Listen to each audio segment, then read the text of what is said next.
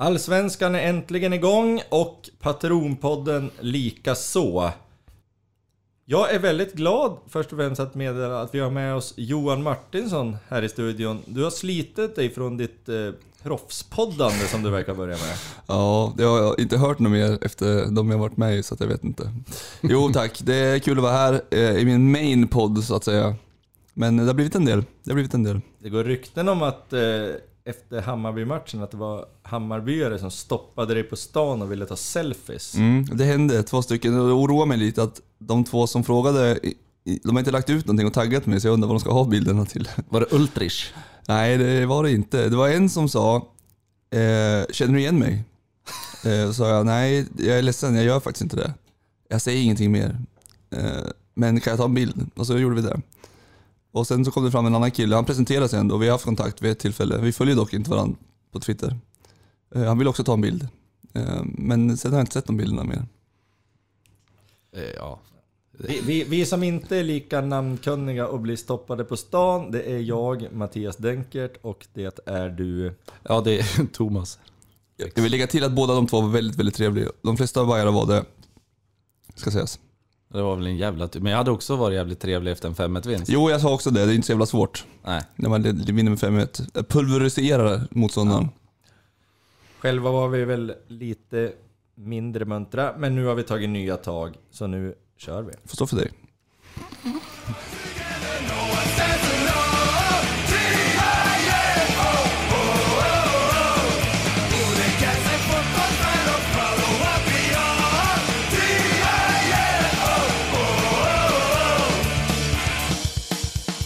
Har gått två omgångar av Allsvenskan.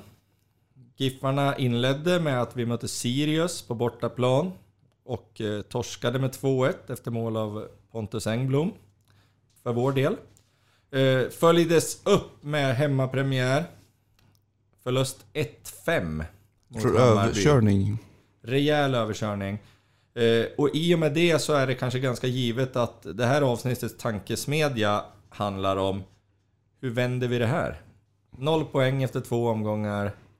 Vad ska vi göra för att gladare tider ska vänta runt hörnet? Byta, Ja. se- byta spelsystem. Ja, det ska vi ju naturligtvis göra. Det, vi borde aldrig ha bytt till att börja med. Inte till det här jävla eländet i alla fall. Där har du det.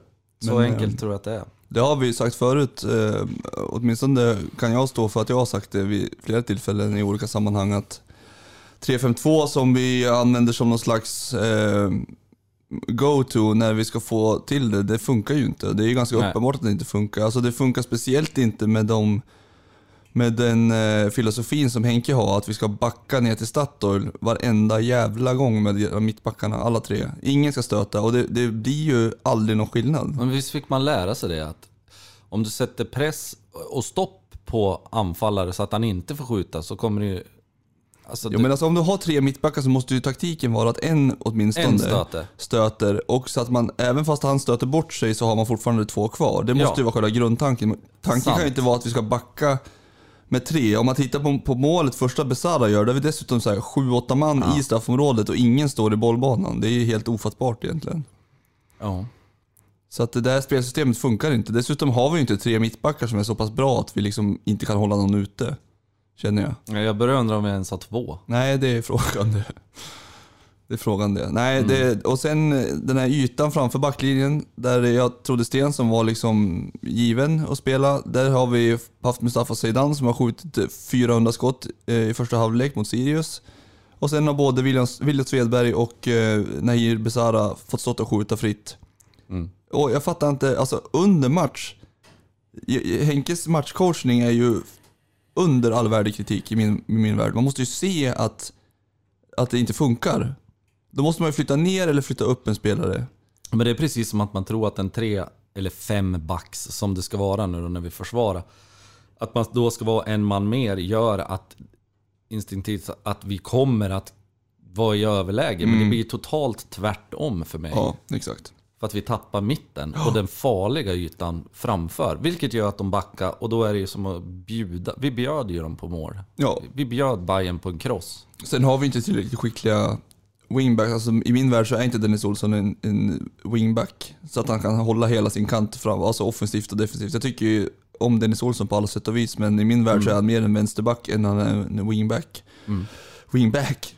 Ehm, och på andra sidan då, när Robban är skadad, då ska vi spela med en felfotad eh, högervinge som får vika in i banan, alltså slå inlägg. Det funkar ju liksom inte. Det, då kommer vi, det är därför vi blir suttna i knäna hela tiden. Enda fördelen med det, det är väl att eh, Arjen Robben också var vänsterfotad och gick på högerkanten. Ja, absolut. Nu är det tyvärr Men inte... det var ett halmstrå kan man säga. Ja, det var det längsta halmstrået jag har sett. Ja, väldigt långt. Såg ni att Arjen Robben hade sprungit sitt första maraton? Mm, jag såg det. Du, Gud vad lite det kittlar mig. Han var ganska bra tid, en 3 och 15 eller något. Men det var en timme på tal om efter. maraton så har jag lovat en shoutout till Karl Normelli. Eh, GIF Sundsvall supporter, 27-åring som åkte och gjorde eh, bra resultat på Paris maraton. Jag Bra tror, resultat. han Två- slog... 2.31. Ja, men han måste ju ha slagit Arjen Robben. Ja, ja, med 45 minuter. Ja, ja. Det var inte ens i närheten. Och då ska vi komma ihåg att hans, eh, om det är farfar tror jag, var med i laget 64 när vi gick upp. Var det så? Är det hans far? Pelle Normelli? Ja, jag ska inte svära på att, men det är en släkting i alla fall. Ja, Pelle Normelli var ju med i den historiska GIF-truppen 64. Mm. Stämmer bra. Så shoutout till Kalle.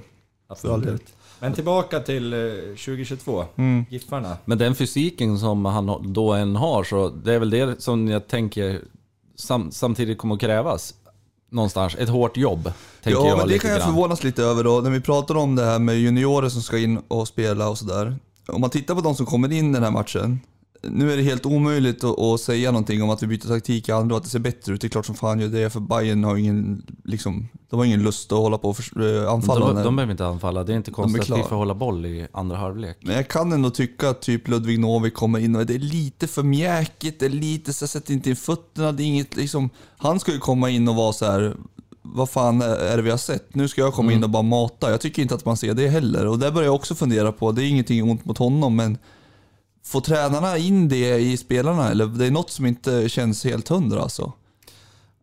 Ja. Jag vet inte. Och jag vet att jag är jävligt upp och ner, för mot, efter Sirius så tyckte jag att jag tyckte att Sirius var en bra match.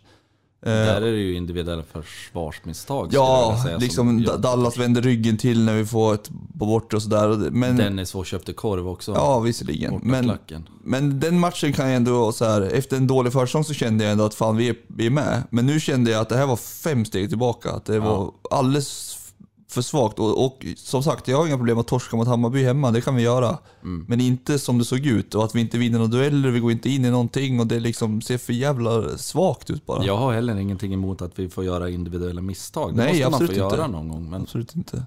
Men titta i slutet när Selmani får den, när Paja typ, jag vet inte vad som händer men Selmani bara får jag kan ha fejdat ut. Ja, det, ja. Mm. Men nej, det var för mycket som var för jävla dåligt alltså. Jag, jag kan ju reagera på, du snackade om eh, Åhnsens matchcoachning här, men det gjordes ändå ett trippelbyte i halvtid. Men, Mm. men jag upplevde inte att det märktes särskilt mycket ute på planen. Inte offensivt eller så i alla fall som vi behövde och Bayern, det går inte att jämföra i och med att Bayern var klar redan.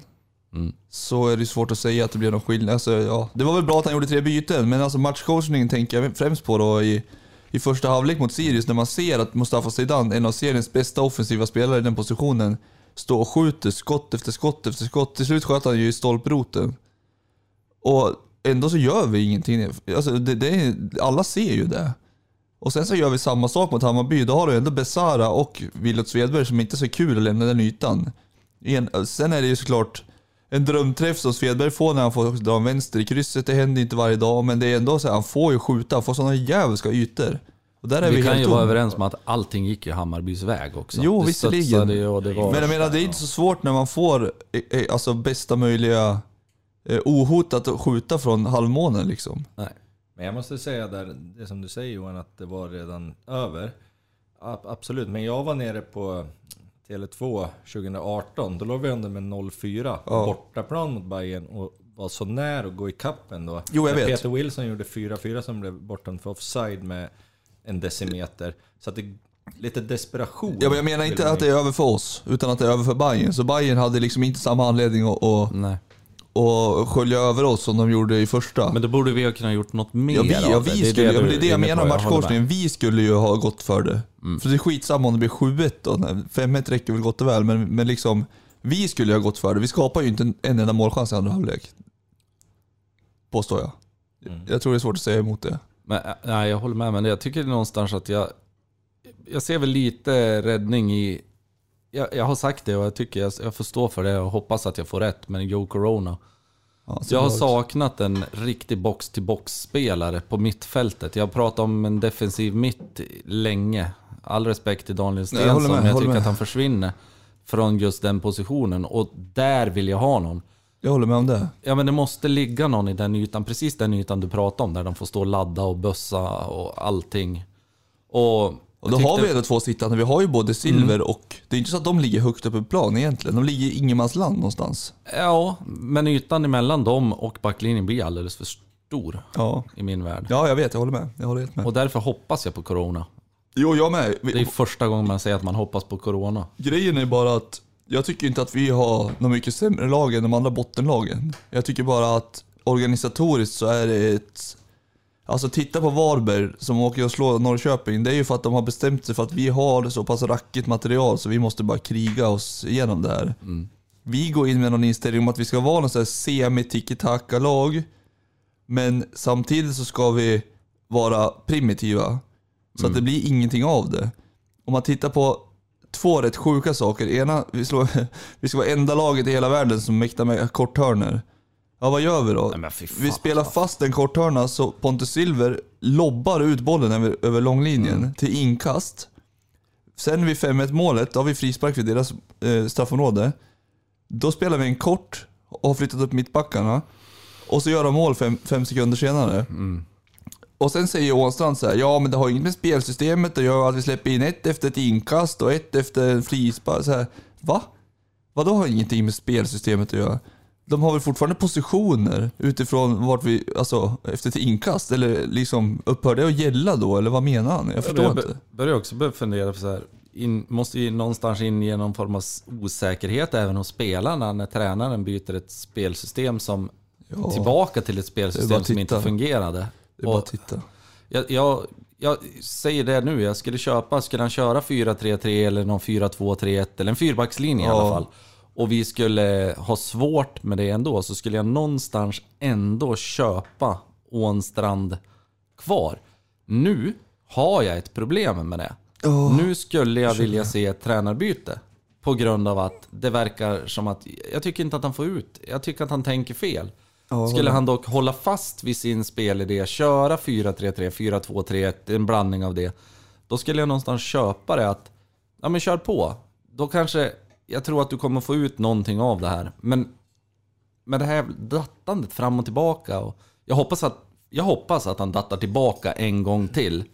Men, och jag hoppas någonstans i så fall att han gör det för att vi får in Corona och Ronaldo Damushner och att han kan bygga det.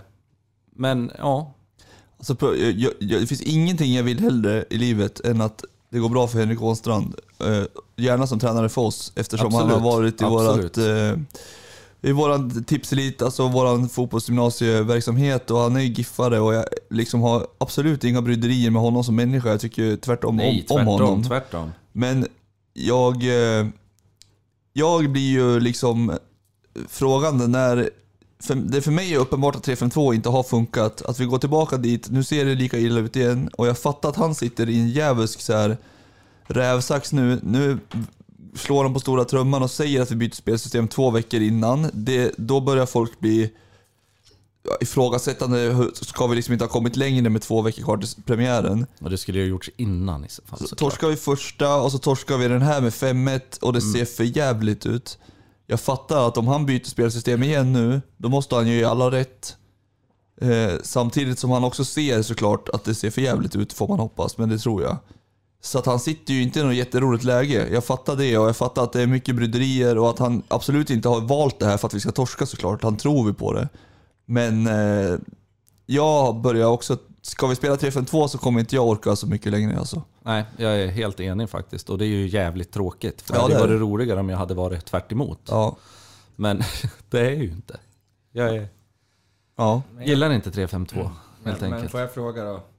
Eh, Vi är inte det enda laget med noll poäng efter två matcher. Degerfors har torskat två, Helsingborg har torskat två. Det är ju två lag som vi tror att vi ska tampas med där nere. Även IFK Norrköping har torskat två, men de lär väl skrapa ihop sina poäng. Fast Degen körde över oss med 4-1 då i, i cupen. Ja, Den Panenkan där Johan. mycket, Ja visst, Bertilsson. Får stå och jonka i vårt straffområde. Ja. Absolut. Det är ju det jag ställer mig frågan till. Att vi inte, att inte vi har någon grundtrygghet som de andra tycks ha. Mm. Men, men, men eh, jag fortsätter på mitt djävulens advokatspår. Ja, kör. Ehm, Jag smular sönder det. Nej, men, ja, som så ofta. Nej, men jag tror att alla, utom kanske de mest uppe i de blåa giffarna, har ju räknat med och förstått att vi kommer slåss i botten i år. Mm. Är det inte väldigt tidigt då att ropa på tränarbyte? Men det handlar ju om- Ja, men jämför då. Jämför då. Degerfors åker till eh, Tele2 och möter Djurgården i premiären. De har fyra i virket och har 17 avslut. Ja, det handlar ju om hur det ser ut. Det är det jag också tycker. Det är det som är problemet. Ja. Vi, vi torskar 5-1 mot Bayern. Det är inte problemet att vi torskar mot Bayern, det är att det ser för jävligt ut. Alltså det ser ju riktigt hemskt ut. De har haft Djurgården och Häcken. Häcken de missade ett öppet mål, Degerfors, i slutet. De var i och för sig överkörda av Häcken rent statistiskt, men mot Djurgården var de ju med. Varberg åker då och slår Norrköping borta med den primitiva fotbollen de spelar. De har ett riktigt rackigt lag, alltså ett av de sämsta jag sett på pappret alltså. Det är sanslöst. Mjällby, de har slagit Djurgården och de har slagit, vilka fan mötte de första? Elfsborg. Det är också ett rövgäng. Vi då? Vi är, det, ser, alltså det ser ju inte bra ut alltså. Det såg ju ändå... Gud vad jag låter optimistisk här, men Ja, det såg verkligen. ju rätt bra ut mot Sirius. Ja, det gör det absolut. Men, sen, sen eh, var det inte alls bra mot Hammarby, det kan ingen påstå. nej. Nej, och för de som inte förstår riktigt vad vi kanske pratar om där och inte ser det. Det, det är ju det är samma med, med hjälpen, vad heter tomten på SVT? Daniel Landskog. Ja, Daniel Landskog. Det är väl, han hade ju väldigt, väldigt rätt i den kapningen. Den är hård och brutal och den är ärlig och den är, den är rätt. Jag håller med honom. Ja men vad släpper vi in för mål mot Sirius då? Det första är ju sanslöst. De får bara gå och gå och gå och vi backar som vanligt. Det var eh, nå- någon som inte ens var på bortre. Och sen andra, då hoppar en, som jag bytt in i halvtid, helt obegripligt, en division 2-spelare som hoppar upp med ryggen emot och släpper in i 85. Jag menar det är ju liksom, hur ska vi kunna ta poäng? Jag fattar inte det. Ett annat perspektiv då? Hur har det varit på läktarna? Tycker vi. Bra ändå. Borta bra, tyckte jag. Borta Verkligen. bra, Ja, men hemma borta bäst. bra. jag Ja, var, nej. ja, min dotter fyllde år så jag missade faktiskt hemmamatchen. Borta bättre ska jag säga. Eh, Jag tyckte väldigt, väldigt mycket om att vara på bortaplan. Jag såg ingenting av matchen för jag stod långt, långt ner på arenan. Så att, och på Åt fel håll kortsida. också. Ja, men det var... Man får ingen överblick, men det kändes så skitsamma. Det, det handlar om stämningen och, och att vi är tillbaka och att vi är ett jävla bra gäng. Jag tror att det är väl det som kanske jag tycker är nyckeln. Att de hittar det här, att de fortfarande tror att de också är ett bra gäng. Att de har det. Och att de får, får de det att stämma lika bra som vi kan få det att stämma i patronerna. Då är, Ja, det då är det topp. När vi kom till, eh, till Uppsala, till krogen där, då satt... Eh, Där stämde det inte bra. nej, inte maten, men Nej. det som stämde bra var att världens bästa lunkan och Jonas Wallerstedt satt där och väntade på oss. Mm, Wallerstedt hade jour. Han, han frågade han där, "Men vad gör du här? Ja, men jag har jour. Ja, men vadå? Ja, men om de ringer då måste jag dra till Arlanda. Ja, okej, så de kan ringa mitt under match? Ja, ja, men då får jag dra. Men jag ska vara här och se det här. Ja, det var fint. Eh, men alltså borta är det bra, hemma är det bra också. Det är bara det att när vi möter Hammarby hemma, vi vet att de har sålt så här 3000 biljetter ungefär.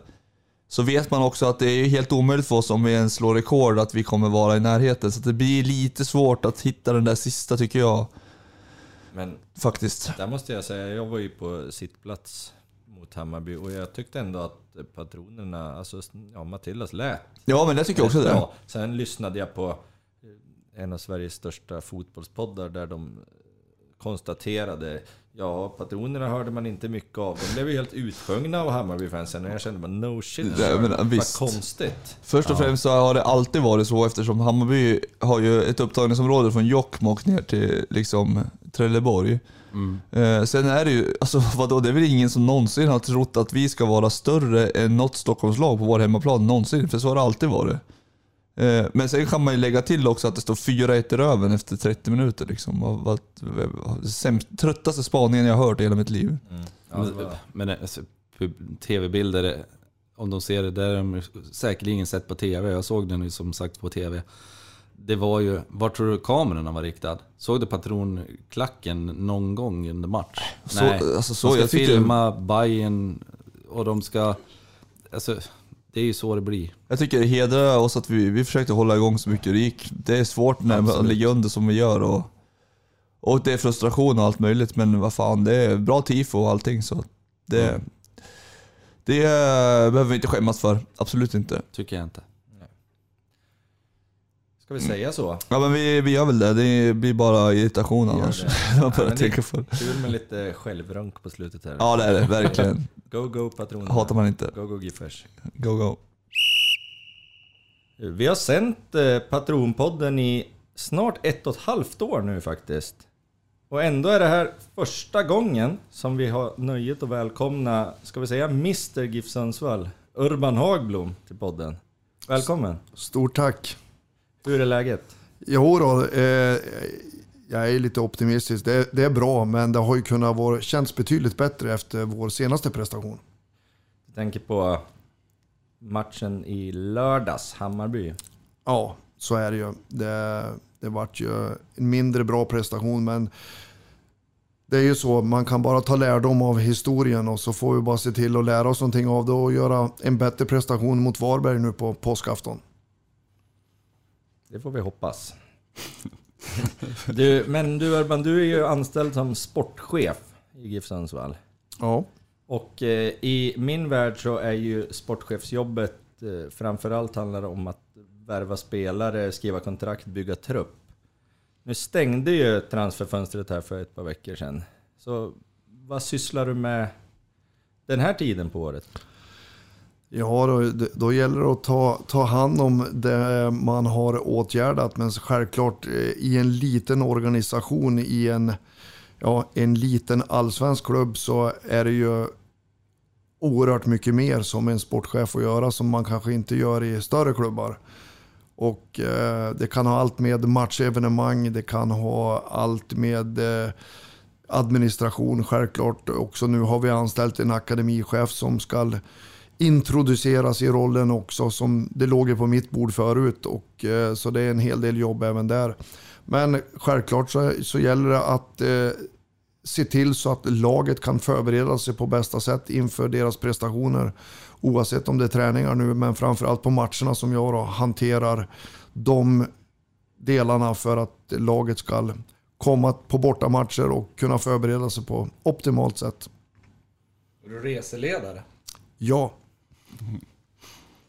Så det är du som bokar bussar, hotell, träningsplaner och så med mera? ja, det ligger på mig och ska se till så de får i sig rätt kost på vägen och allt sånt där. Så att, eh, vi, vi, vi har ju inte så många personer som kan hantera det så då landar det på mig. Vet du vad jag tror vi ska vara väldigt glada för? Nej, Att det inte är Johan Martinsson som ska, ska se till att de får i sig rätt kost på vägen. Nej, men jag tror att Johan skulle kunna överraska också. Ja, men Lasses matstuga har ju stängt. Dit åkte vi alltid med Njurunda SK innan matcherna. Fick man äta på Lasses matstuga. Det var billigt i alla fall. Brunsås. Ja, och typ, eh, vad heter det, raggmunk och annat. Man kom ju upp till Hubisum eller något och var helt stinn i första perioden. Nej, och det kan jag ju faktiskt lägga till för det är inte, det är inte så enkelt alla gångerna. För det är ju allt utifrån eh, glutenallergiker till vegetarianer till eh, maträtter som inte vissa kan äta. Och, så det är inte bara att beställa rätt upp och ner 25 eh, maträtter utan det, det blir ett pussel på... Och rätt sylt va? har, har jag hört ryktes om. Det är så här, en, en, annars är det tunnebro och så är det ju pyttipanna med stekt ägg. Ja, det tycker jag är bra. Men det är inte riktigt eh, vad, vad spelarna önskar. Men nu blir man ju lite nyfiken. Kan du avslöja vilken spelare har de krångligaste beställningarna?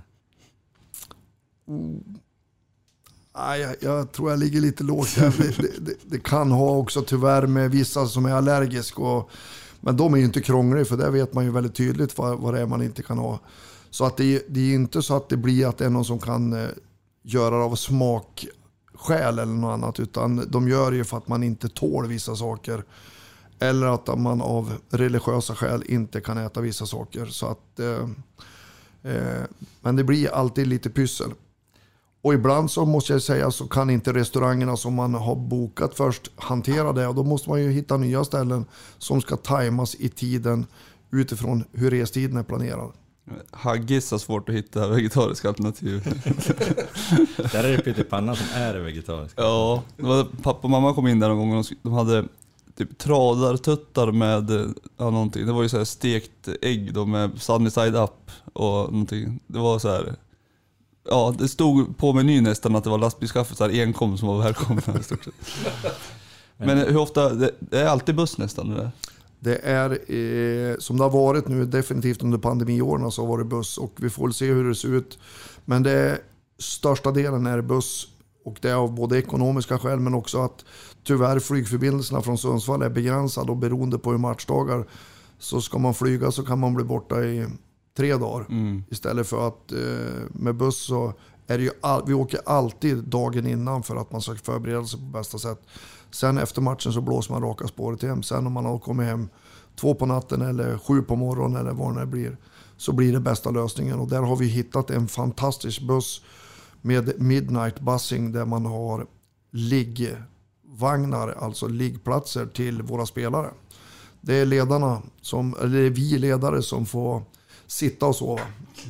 Jag måste ändå säga annars att åka buss till bortaresa är bland det trevligaste som finns. Så är det. Nej, Ja. men alltså det, det, det är en bra lösning och vi brukar också göra så att vi åker en bit på vägen och så tränar vi på plats så man får ett break på hela resan för att förbereda sig och då blir, liksom, blir inte resan lika lång. Så ingen behöver stödstrumpor heller på, på resan. Inga stödstrumpor. Hur är det? Spelas det kort nu för tiden på bussen eller sitter alla med sina lurar i och... Nej då, det är mycket olika aktiviteter men eh, det finns eh, definitivt spelas det kort.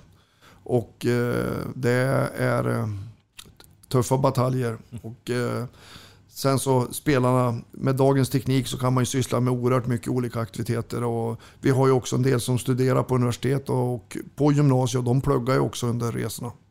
Och har, ta tillfället i akt att disponera den tiden med studier. Jag ska återgå lite till sportchefs... Ja, nu har vi pratat sportchefsjobbet hela tiden. Det är mångfacetterat, har vi fått höra. Men eh, du fick ju också jobba på värvarfronten eh, in i det sista. kom ju ett par eh, sena värvningar i, ja, framförallt Joe Corona, men även Ronaldo Damush brukar du säga va? Att det ska uttalas. Eh, Jag vet inte om här i Sverige kanske säger The Moose. ja, det kan bli ett bra smeknamn. ja, verkligen. Musen. Ja, vi har ju Forrest Lasso också och eh, med Forrest och The Moose. Ja, det är sant. Och ingen Corona. Nej, exakt. Nej. Men, men, men båda de här två killarna kommer ju från den nordamerikanska ligan. Eh, Corona från MLS och Damush från USL. Eh, Är det här, hur pass välscoutade är de här spelarna? De är välscoutade. Eh, tyvärr under pandemin så har vi inte varit fysiskt på plats. Men med dagens teknik så har vi följt dem oerhört noggrant och eh, utifrån de kvaliteter de har. Så de är välscoutade. Sen eh, har vi via Brian Clarout så har vi också byggt och skapat relationer med rådgivare och eh, tränare på andra sidan Atlanten som, som eh, vi har väldigt starka referenser och eh, för, som kan berätta mycket om spelaren och spelarens kvaliteter. Men vi har scoutat dem väl. Eh, du som har varit med ett tag som sportchef. Eh, nu är det många, eller många, men nu har ni fått värva ett gäng spelare från Nordamerika. Det har tidigare varit från Spanien, från Island. Man tänker ju lite att eller vissa, tar om det lite. Vissa, vissa kanske tänker att finns det inga svenska spelare, men hur, hur ser det ut på den svenska marknaden? Har det blivit tuffare att hitta spelare på den svenska marknaden jämfört med för några år sedan? Eh, nej, det, det har inte. Däremot så har prisbilden sprungit iväg som har gjort att eh, vi rekryterar billigare från vissa nationer, som i det här fallet från eh, USA. Så, så är det av ekonomiskt också där vi får in de kvaliteter vi söker till den peng som GIF Sundsvall har port, portmonnä till. Så att eh, det är ju en, en mix där, där, där tyvärr svenska spelare och de kvalitetsspelare vi söker så, så blir det för kostnadstufft för oss. Så att eh, det är väl en anledning, men det underlättar ju med mycket av att eh, om du bara skulle ha svenska spelare utifrån med kommunikation och med hanteringar och ak akklimatisering i, i vårt samhälle överhuvudtaget. Men eh, så det är väl en liten anledning och, och där har ju vi historiskt varit lite föregångare med vårt isländska spår, men det byggde ju på relationer, kontakter vi hade då med Island. Så det har inte varit att vi, nu ska vi bara ha isländska spelare, utan det är ju prisbilden. Men vi var väl en av föregångarna som såg till så att marknaden i Island öppnades upp rejält. Som har gjort att prisbilden tyvärr har blivit för stor för våra möjligheter att rekrytera dem. För om man kollar på Superettan till exempel, Vukojevic gick väl till Degerfors till exempel. Men så som Sel Selkovic han var i ÖIS. Mm. Han blir ju kvar av någon anledning. Det känns ju ändå som att det är för att Mao, Mao, Ma, Maj Traoré som var i eh, Vasalund, han skulle vara 5 miljoner för honom här för mig. De skulle, när AIK var på honom.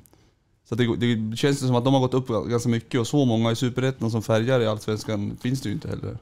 Nej, och, och vi det kan jag ändå nämna här. Vi, vi hade några spelare från eh, Superettan som vi ville rekrytera, men då hamnade prisbilden på ja, närmare två miljoner. Och när du inte har några pengar att disponera på transfers på det sättet eh, så, så blir det omöjligt mm. för oss. Utan då får vi hitta andra vägar. Men kan man, ju, man kan ju se det lite som att det blir det på ett sätt inte är bra för svensk fotboll heller om vi tar in import från andra länder för att det är billigare. Våra egna produkter och talanger som behöver få all speltid i större klubbar, den, den minskar ju. Så det är ju inte, det är på gott och ont då. Ja, nej men jag håller helt med för att eh, det är någonting som vi kanske måste börja diskutera i, i större forum uh, utifrån att uh, det är väl inte den perfekta talangutvecklingen utifrån att du, det är billigare att rekrytera en färdig produkt från vissa nationer än att du lyfter upp en 18-åring som du kanske också, som inte har de kvaliteterna idag men som kanske Ge han två år så har han ännu bättre kvalitet. Ja, för det där blir, det blir konstigt. Då släpper vi dem till eh, norska eller danska ligan som talanger eller holländska Nederländska ligan, mm. förlåt mig. Och där de ska utvecklas och blomma istället då. Så det blir... Så är det. Så att eh, det är någonting som vi måste hantera. Tim Pritza, han är väl i Österrike nu tror jag.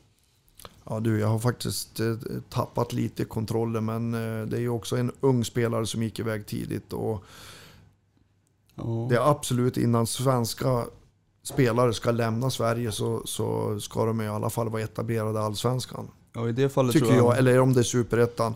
De behöver inte kanske vara i A-landslaget, men de behöver vara etablerade i Allsvenskan. Sen om jag är det som 18-åring, då kan jag sticka iväg till Holland eller till Spanien eller var det nu är. Men sticker jag utan att jag kanske har känt på allsvenskt spel så har jag en tuff resa.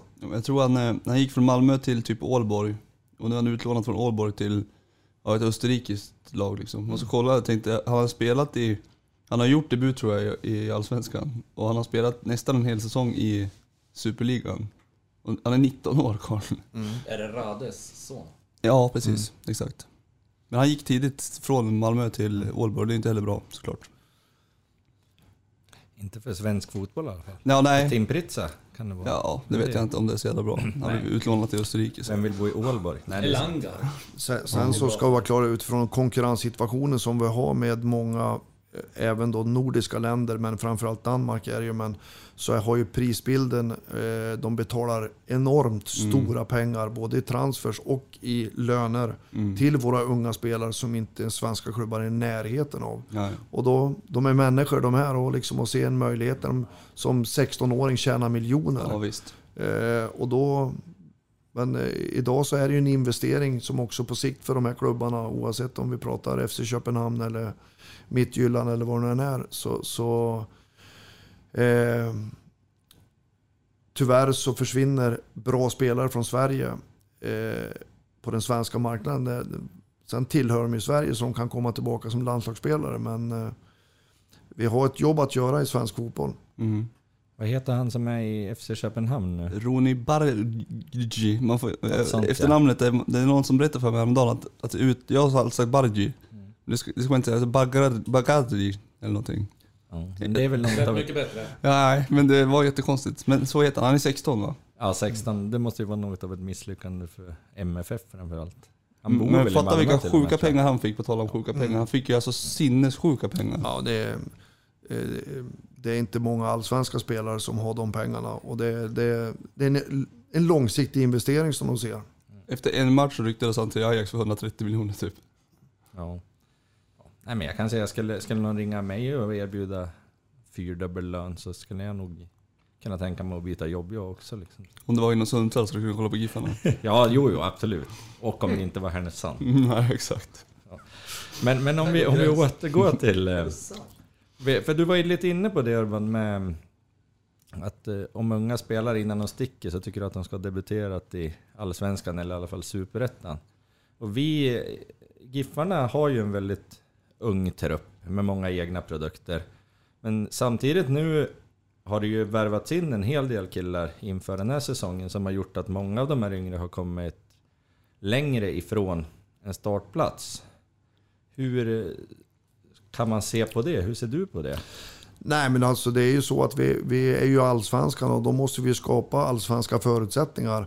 Det man ska se är ju för de unga spelarna att man måste våga vara långsiktig och våga ta den här utbildningsmiljön för de här unga spelarna. Det handlar inte bara om spelminuter i vårt representationslag utan det handlar om spelminuter eh, i våra miljöer. Sen om det då lyckligtvis är allsvenskan, men det har U21 allsvenskan. Vi har också ett antal som har åldern inne för pojkar 19 allsvenskan. Och eh, Eh, det är här som man måste våga se att man kan se det långsiktigt och inte stressa för att speltiden i vårt allsvenska representationslag inte blir tillräckligt många minuter. Utan det är minuterna de andra sex dagarna i veckan som också ska utveckla de här. Och eh, det är där som vi måste våga se det långsiktigt. För till syvende och sist så handlar det om prestationer. För vårt A-lag, eller GIF Sundsvall, mäter med resultatet på söndagen. Eh, och då, tyvärr kan jag ju säga, så om jag nu eh, pratar för Henrik Ånstrand och Brian Clarouts, liksom, så har jag, får ju de aldrig cred om de matchar unga spelare och vi förlorar. Men matchar vi unga spelare och vi vinner, då blir de hyllade. Men eh, till syvende och sist så handlar det om att vi ska vinna matcher. Så, så liksom, det är en sån verksamhet. Men här har ju Giffarna ett, eh, ett tufft arbete med att både våga vara långsiktig, jobba med unga spelarna och samtidigt göra resultat som gör att vi spelar allsvensk fotboll. Så det, det är ett pussel. Men till syvende och sist, även för de unga spelarna, så handlar det om att man måste prestera. För jag kan jämföra med många andra idrotter så, så blir jag ju inte aktuell att få, få om jag är några minuter efter, nu blir det en kvinna vi jämför med, men Charlotte Kalla i längdåkning, ja men då får jag inte starta i stafettloppet. Om jag nu är talang. Men, men eh, lite grann så måste det också vara i fotbollen. Jag måste kunna vara in och prestera och jag kan mäta mig med laget. För du, annars så ska vi också bänka spelare som är bättre. Så förstår ni, i en gruppdynamik då så är det inte jätteenkelt att få Nej, förståelse för det. För alla är där i sitt yrke. Det var det jag tänkte på att komma till. För det, det, jag antar ju att man måste prata med de unga spelarna om det här dagligen också säkerligen. Och, och då- de ser det på samma sätt som du. Nej, men det är det som är oerhört viktigt och det är det som har kommit också till en ny roll i GIF Sundsvall. En, ska vi säga en nyanställning, men där vi har eh, anlitat Benny Mattsson som en övergångstränare som vi kallar han.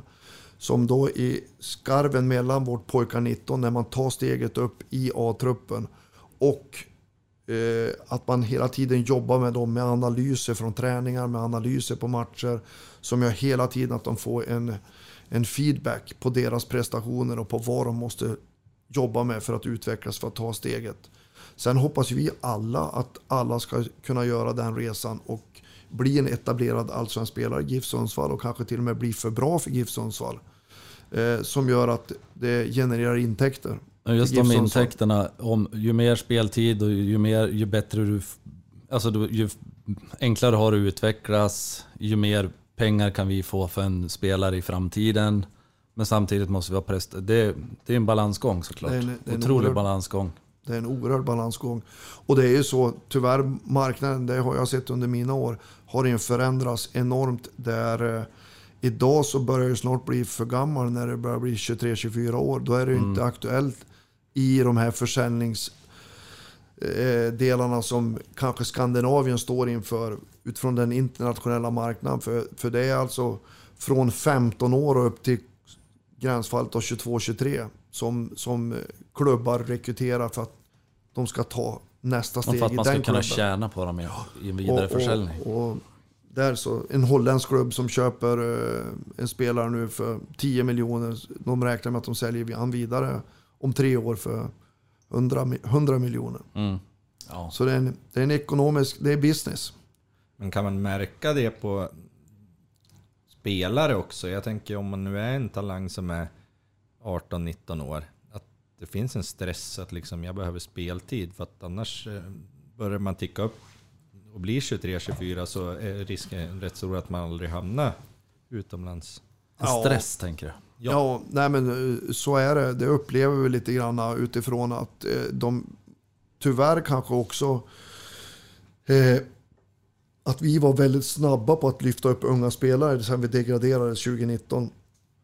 Där vi såg den här långsiktigheten av att jobba med, med en spännande miljö, talanggrupp som vi hade i, i vår akademi som vi lyfte upp i så kan det vara några spelare som också lyftes upp lite för tidigt som inte fick vara med på tuffa resan från pojkar 17 upp till pojkar 19 till sen till A som har gjort att nu så har de tre år i en A-trupp och nu börjar ju de bli stressade fast de inte är fyllda 20 än.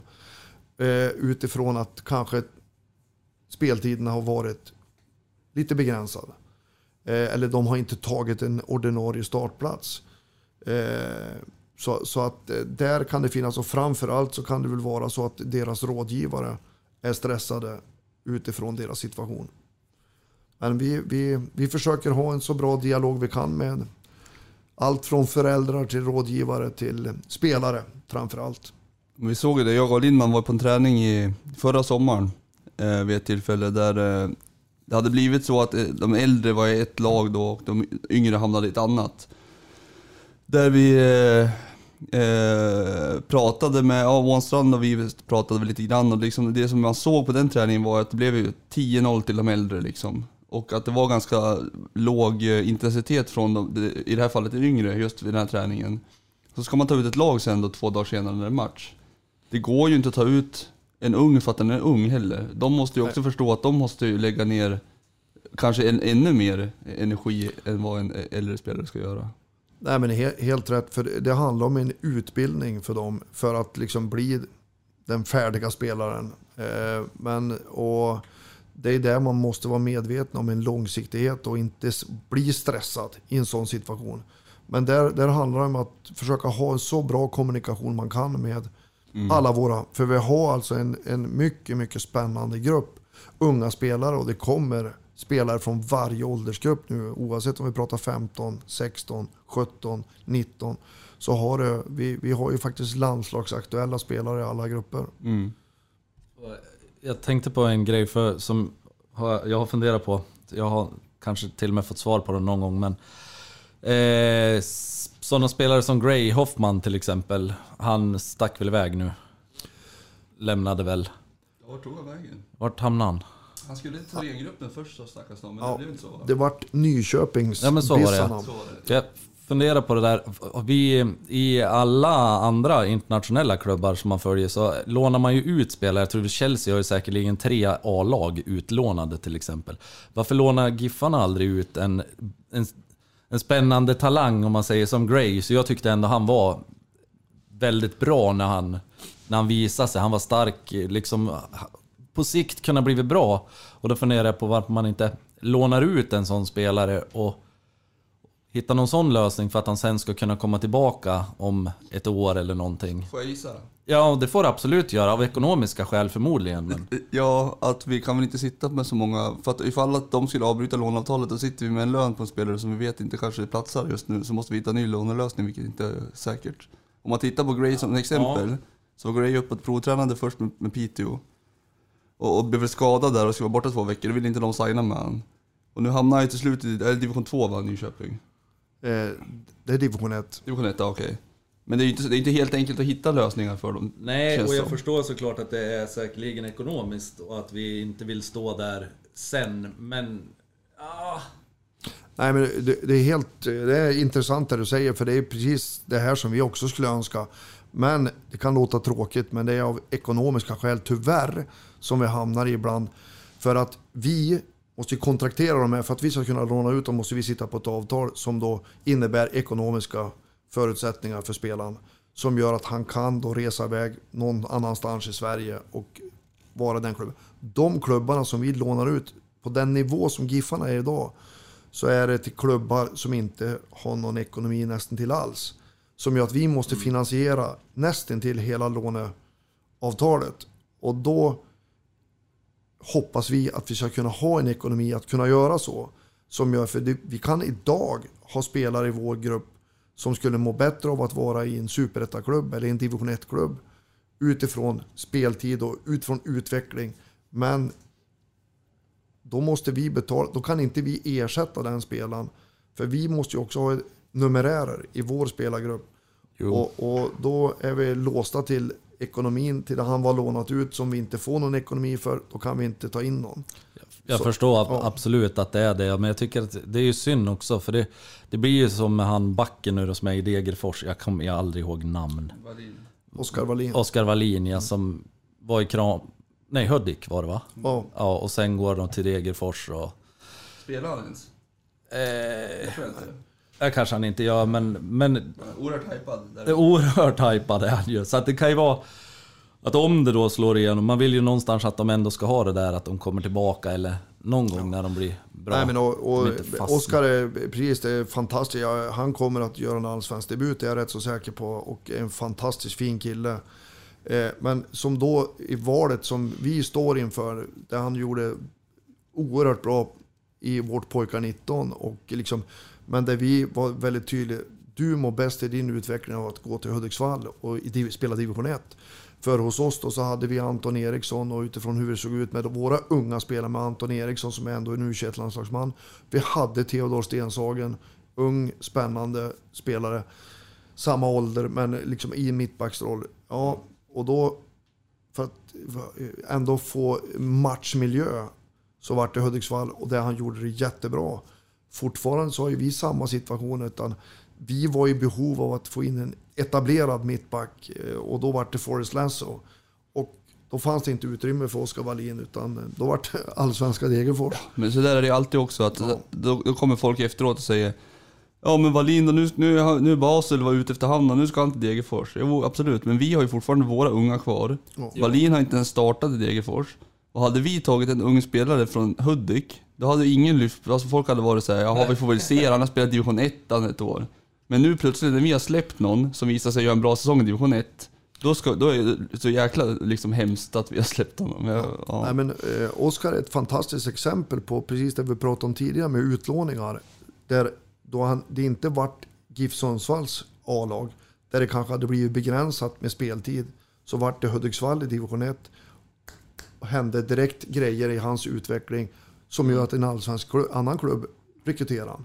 Och det är, det är liksom precis det vi också skulle vilja komma åt med att kunna låna, ha ekonomi, att kunna låna ut spelare till miljöer som de mår bra i sin personliga utveckling. Finns det klubbar i Sverige som har den ekonomin så de kan göra så? Ja, det finns det. Mm. Det finns några starka klubbar i Allsvenskan som har den ekonomin. Ja. Vi är där om ett par år antar jag. Vi är där väldigt snart hoppas jag. Ja, bra det. När vi spelar Europa League mot på Färöarna. Är det Royal League vi ska till? Conference. Starta om Royal League. Ja, saknad av ingen. Erik Fischbein fick slå en straff mot FC Köpenhamn. Ja. Men apropå ekonomi, jag tänkte nu har vi tråkigt ämne, men vi har inlett allsvenskan med två raka förluster. Eh, Och eh, det kommer ju ett sommarfönster. Eh, Och jag formulerar frågan så här att om det, gud förbjude, skulle behöva värvas i det här sommarfönstret. Hur ser budgeten och ekonomin ut för det? Eh, den är väldigt begränsad så det finns inte så stora förutsättningar om jag skulle svara idag. Däremot så har vi fantastiska människor runt omkring i Sundsvall som har hjälpt oss och varit med och bidragit till att vi är i Allsvenskan idag. Allt från GIF Sundsvall Invest som AB som, som det har funnits så mycket idéer och tankar kring. Men de har gjort ett fantastiskt jobb för GIF Sundsvall. Utan dem så hade vi inte spelat i Allsvenskan idag. Och eh, sen om det är från dem eller från andra intressenter som vi kan se hur vi kan hitta lösningar. Men eh, för det kan jag säga, vi, vi kan alltid hoppas att hitta en lösning som vi gjorde med Joe Corona och eh, Houston Dynamo. Så, så sådana rekryteringar kan vi fixa i sommar. Mm. Vill du berätta mer om den rekryteringen? Ja, det, det kan jag berätta länge om, men eh, det, det är en fantastisk eh, spännande spelare som, som ger energi till en grupp och har alla kvaliteter. Vi ska ge honom lite tid, men eh, jag vill inte gå in i detalj på utifrån uppgöret för då begår jag ett avtalsbrott. Ja, så behöver, men lite så här, försiktig. hur, hur dyker en sån upp? Alltså, hur får man nys om det? Det måste ju vara då i sådana fall Brians kontakter som hör av. Men alltså, hur kommer man fram till att så här, du, vi skulle behöva... Nej, men det, det är ju utifrån framförallt så är det Brians kontakter eh, och sen så fick jag ta vid lite grann och eh, relationerna med både rådgivare, eh, agenter, rådgivare och sen hade efter en väldigt, väldigt bra dialog med Houston också där, där kanske inte de hade satt sig i den bästa situationen för att eh, lösa det här på ett jättebra sätt för deras skull. Nej, just det. Men det vart väldigt bra för våran skull och eh, eh, alla säger att de har ett nytt favoritlag i Skandinavien nu, ett eh, GIF Sundsvall. det är bra. Men apropå de här värvningarna, vi läste i Sundsvalls Tidning också att eh, Ronaldo när han kom, att han hoppades kunna vinna serien var det va? Med Sundsvall. Vad har du sagt Vad har du sagt till honom egentligen? Det precis den frågan jag Det snackas om Champions League och Europa League. Är vi klar? för Ja, vi, vi, pr- vi pratar om, vi har, vi har stora ambitioner. Nej, skämt åsido. Eh, vi har inte pratat någonting om det med honom. Utan vi har pratat om GIF Sundsvall som en fantastisk utvecklingsmiljö. För att han ska göra resan. Så får vi se vart det tar vägen. Eh, men på samma sätt, han är 22 år. Det är en, det är en ung spelare som har ett, eh, gjort en bra resa i USL. Och eh, där de ser Skandinavien och framförallt Europa som nästa steg. Så det här är en, kanske låter tråkigt när jag säger igen, utvecklingsmiljö för honom. Optimal utvecklingsmiljö. Optimal Ja, utvecklingsmiljö. Jag hade en tes om det där också, att eh, i USA så har de inte en upp och nerflyttning. Och att han hade googlat oss och såg att vi låg två, hade blivit tvåa i serien förra året.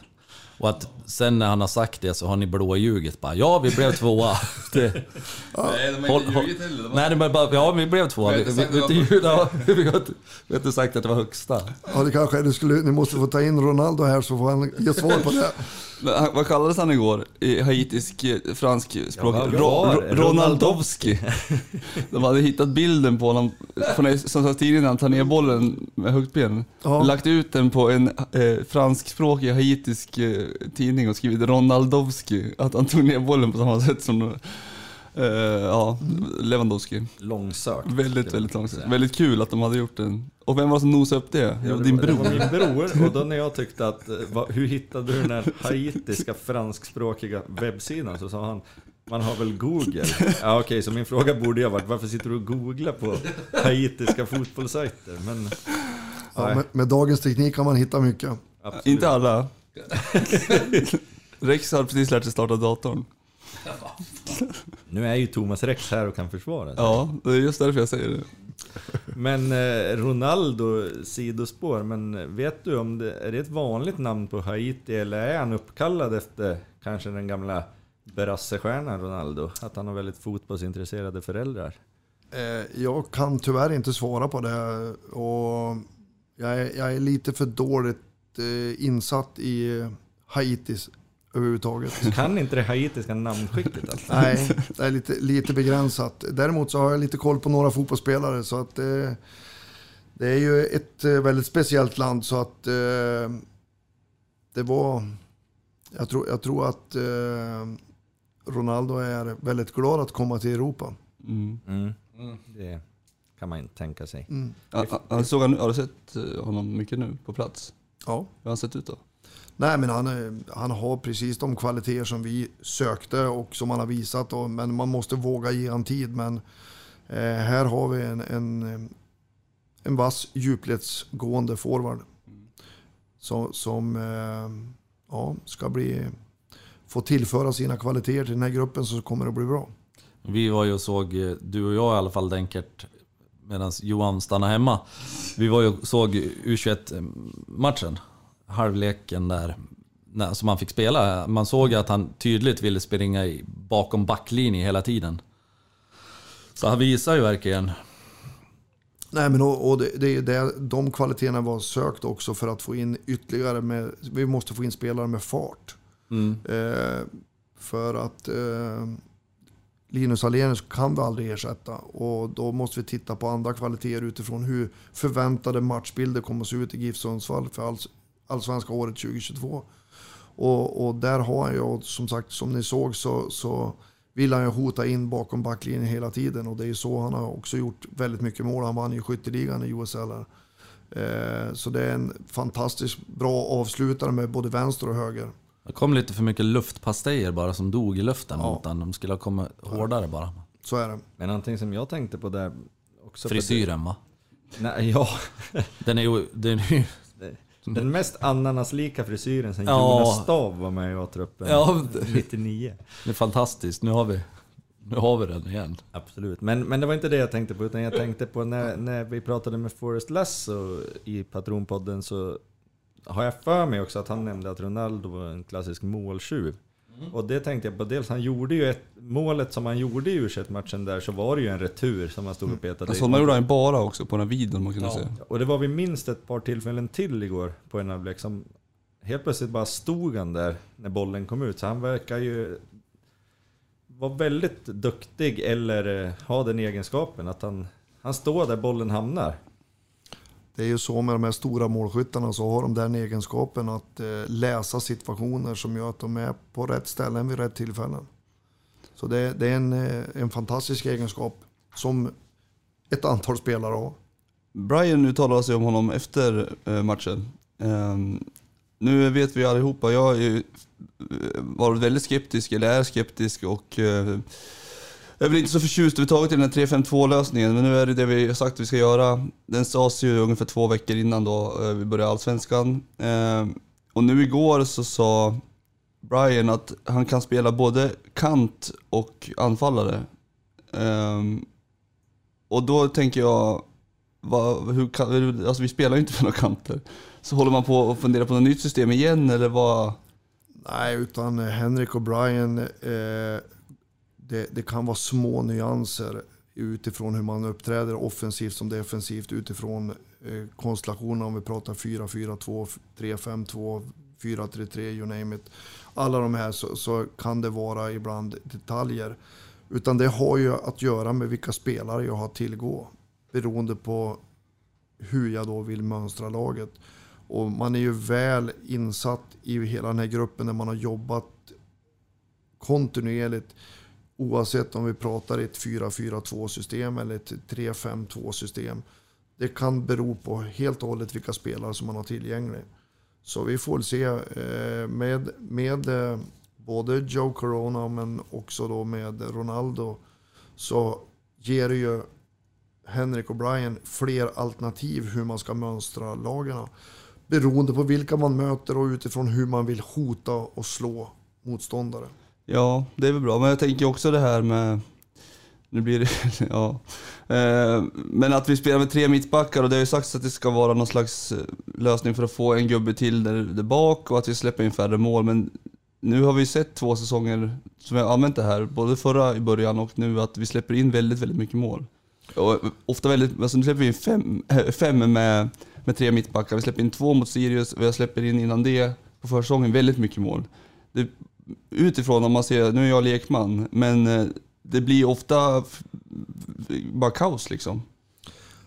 Men det beror på kanske att eh, spelare i olika positioner utifrån de här elva uppträder inte som de ska göra utifrån det systemet. Och det har man ju ett arbete med att göra för att eh, få alla att förstå utifrån vilken uppgift jag har och utifrån hur den rollen ser ut. Mm. Så det handlar ju ofta om individuella prestationer som blir väldigt begränsade. Det vi har blivit avslöjade i är ju från individuella misstag. Och det kan vara ett individuellt misstag i ett positionsspel.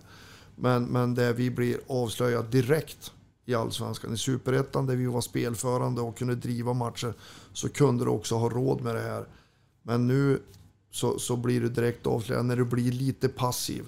Ja, då mm. smäller man dit den från 20 meter upp i krysset. Ja, men jag, jag tänker sen offensivt också så har man snackat om att i 3-5-2 så har Ånstad någonstans uttryckt att det viktigaste är att vi har två wingbackar som, som liksom äger sina kanter. Mm. Kollar man på Dennis Olsson när han spelade vanlig vänsterback, eller ja, ytterback då så att säga. Då gjorde han 10, 13 poäng 2020 eh, när vi spelade med fyra backar.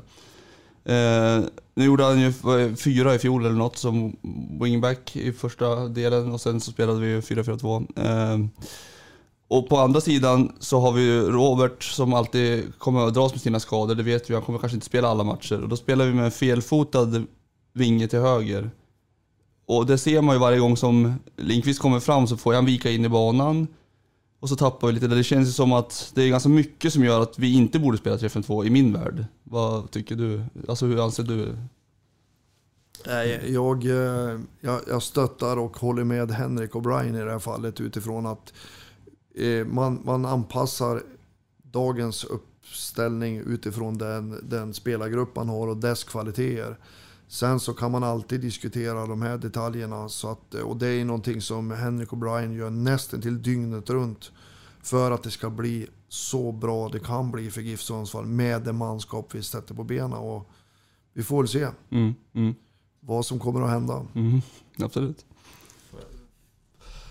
Men om vi då pratar 3-5-2 och 4-4-2. Det första som slog mig igår, när vi bara går in och näst, spelarna kommer in på U21-matchen, det är att de ställer upp med en fyrbackslinje. Där blir jag väldigt konfunderad, för jag trodde på riktigt att vi spelade med samma startpositioner, allra helst i backlinjen, som jag tycker är otroligt viktig. Att vi spelar på samma sätt i alla lag uppåt. I alla fall i U21. Och jag tänker ni som har varit över och sett usch, det hemska Bodö Glimt som jag i dagsläget avskyr. Men det är av andra anledningar. Men de har ju uttalat en spelidé som de kör med hela tiden. Och som de också sa i den här intervjun efter Roma-matchen senast med bla bla bla. Och de frågar men ni har ingen respekt. Bara, Nej men varför? Vi är, vi är Bodö. Vi kör vårat spel. Och sen håller det så håller det ungefär. Och, och någonstans så ger det ju, skördar framgång att man är konsekvent. Men vi är ju inte ens konsekventa där då från U21 till A-landslaget i form av... Det blir väl, jag kan tänka mig att det blir väldigt svårt för en spelare som gör en bra match i U21 och så kommer det upp då så är det ett helt nytt spelsystem. Jag förstår ju någonstans också att de ska kunna alltihop. Men det är, på den här nivån vi pratar, det är ändå allsvenskan, så, så kan jag tänka att det blir svårt. Nej, men jag förstår precis hur du säger. Eh, men eh, är, eh, det är en del i processen också utifrån utbildningen på spelarna. Eh, för det är på samma sätt och det kanske är ändå signaler som ni kanske märker utifrån att eh, man är inte fast i något spelsystem eh, utifrån. Däremot så utifrån hur vi ska uppträda offensivt och hur vi ska agera defensivt och vart vi startar pressen och allt sånt där. Eh, det är gemensamt, men, men sen om du använder fyra backlinjer eller tre backlinjen, eh, det blir anpassat också. För det är inte hundra klart i vårt representationslag och det är inte hundra klart någon annanstans. Utan man håller på och skolar och utbildar spelarna utifrån de olika rollerna. Ja, men kan det finnas någon fördel med att spela ett och samma system? Här så har GIF Sundsvall bestämt. Nu är det, det här är det vi kommer köra oavsett tränare. Det är det här du ska köra. Är det... Det kan det definitivt finnas, eh, men då kommer jag tyvärr tillbaka till den tråkiga ekonomin som gör Ja. att ibland så kanske man inte heller kan rekrytera eller få in de spelare som man önskar för ett sånt eh, viktigt be beslut. Utan att man eh, får ta den näst bästa spelaren som då är anpassad till ett annat system som han är bäst i och då liksom börjar man skruva på laget igen. Men jag är helt med på att bästa alternativet är att ha en tydlig spelfilosofi och idé Mm. hur man ska agera och att det underlättar mitt arbete när jag tittar på spelare Ja, för att rekrytera att vi ska ha den här ytterforwarden eller den här centrala forwarden med de här kvaliteterna eller ytterbacken eller vad det än är. Så, så är ju det definitivt ett, ett bra framgångsrecept. För på samma sätt som nu har vi våra nors norska grannar som har bevisligen gjort det här genom årtionden. Allt från Rosenborg så var ju de väldigt tydliga hur de skulle agera. Och nu är mera är Glimt. Men vi ska se här om de kan hålla fast vid det här. För jag vet Bode har ett jättedilemma nu, angenämt, är att är man nöjd nu att de fortsätter sin process hur de jobbar med de egna produkterna med Nordland-spelare. Eller liksom ställs kraven nu på att de ska lyckas i Europa? Eller ska de bara fortsätta sin process med sin akademi som de har gjort på ett fantastiskt sätt? Så kommer de att bli sexa något år i elitserien. Och hur nöjd är man då? Nu ställs kraven och det var ju det som hände med Rosenborg eh, här på 90-talet eh, och in på 2000 så, så var det ju att de var ju väldigt tydliga utifrån sitt spelidé och spelsätt. Och innan det var färdigt så var det ju inte en trönd med i det laget utan det var bara internationella spelare innan det var färdigt. Och så sen så tappar man intresset i hela Trondheim och Tröndelag och liksom det bara dog av. Och så nu så sliter man. Och nu, Bode har ju gjort en fantastisk resa med små resurser men där de har prioriterat sin akademi som de nu får betalt av. Ja, det känslan är att de kommer ju att hålla kvar vid det. Men det är som du säger, jag, tror- jag tror det. Men jag, man vet ju aldrig. Men... Nej. För, för de själva, för vi var ju uppe där, Benny Mattsson och jag och Ja. Joakim Blomqvist. Och eh, de var själva inte säkra på liksom, hur, hur, hur ska vi gå vidare. Så de själva är osäkra, men skulle de som var där nu få bestämma så kör de på. Och så kommer de inte vinna tippeligan något år för de får inte fram de här spelarna kontinuerligt hela tiden. Eller de har sålt bort fem spelare så att de... Men däremot så har de ekonomi och så att man inte och köper in bara nya spelare. Djurgården hade ju sitt häfte också när det begav sig. 4-4-3... Eller 4-4-3. Det är bra. Ja, det är därför de vann. Det här 4-3-3-häftet där kommer jag ihåg. Det var väl med Soran och Sören. Sören, ja. Exakt. Ja, jag minns att det hade kommit på villovägar. Någon, de spelare som hade gett bort det där häftet. Det var kaos där. Eh, Ja, nej men det var väl också att alla skulle spela 4-3 från eh, yngsta till, ja precis.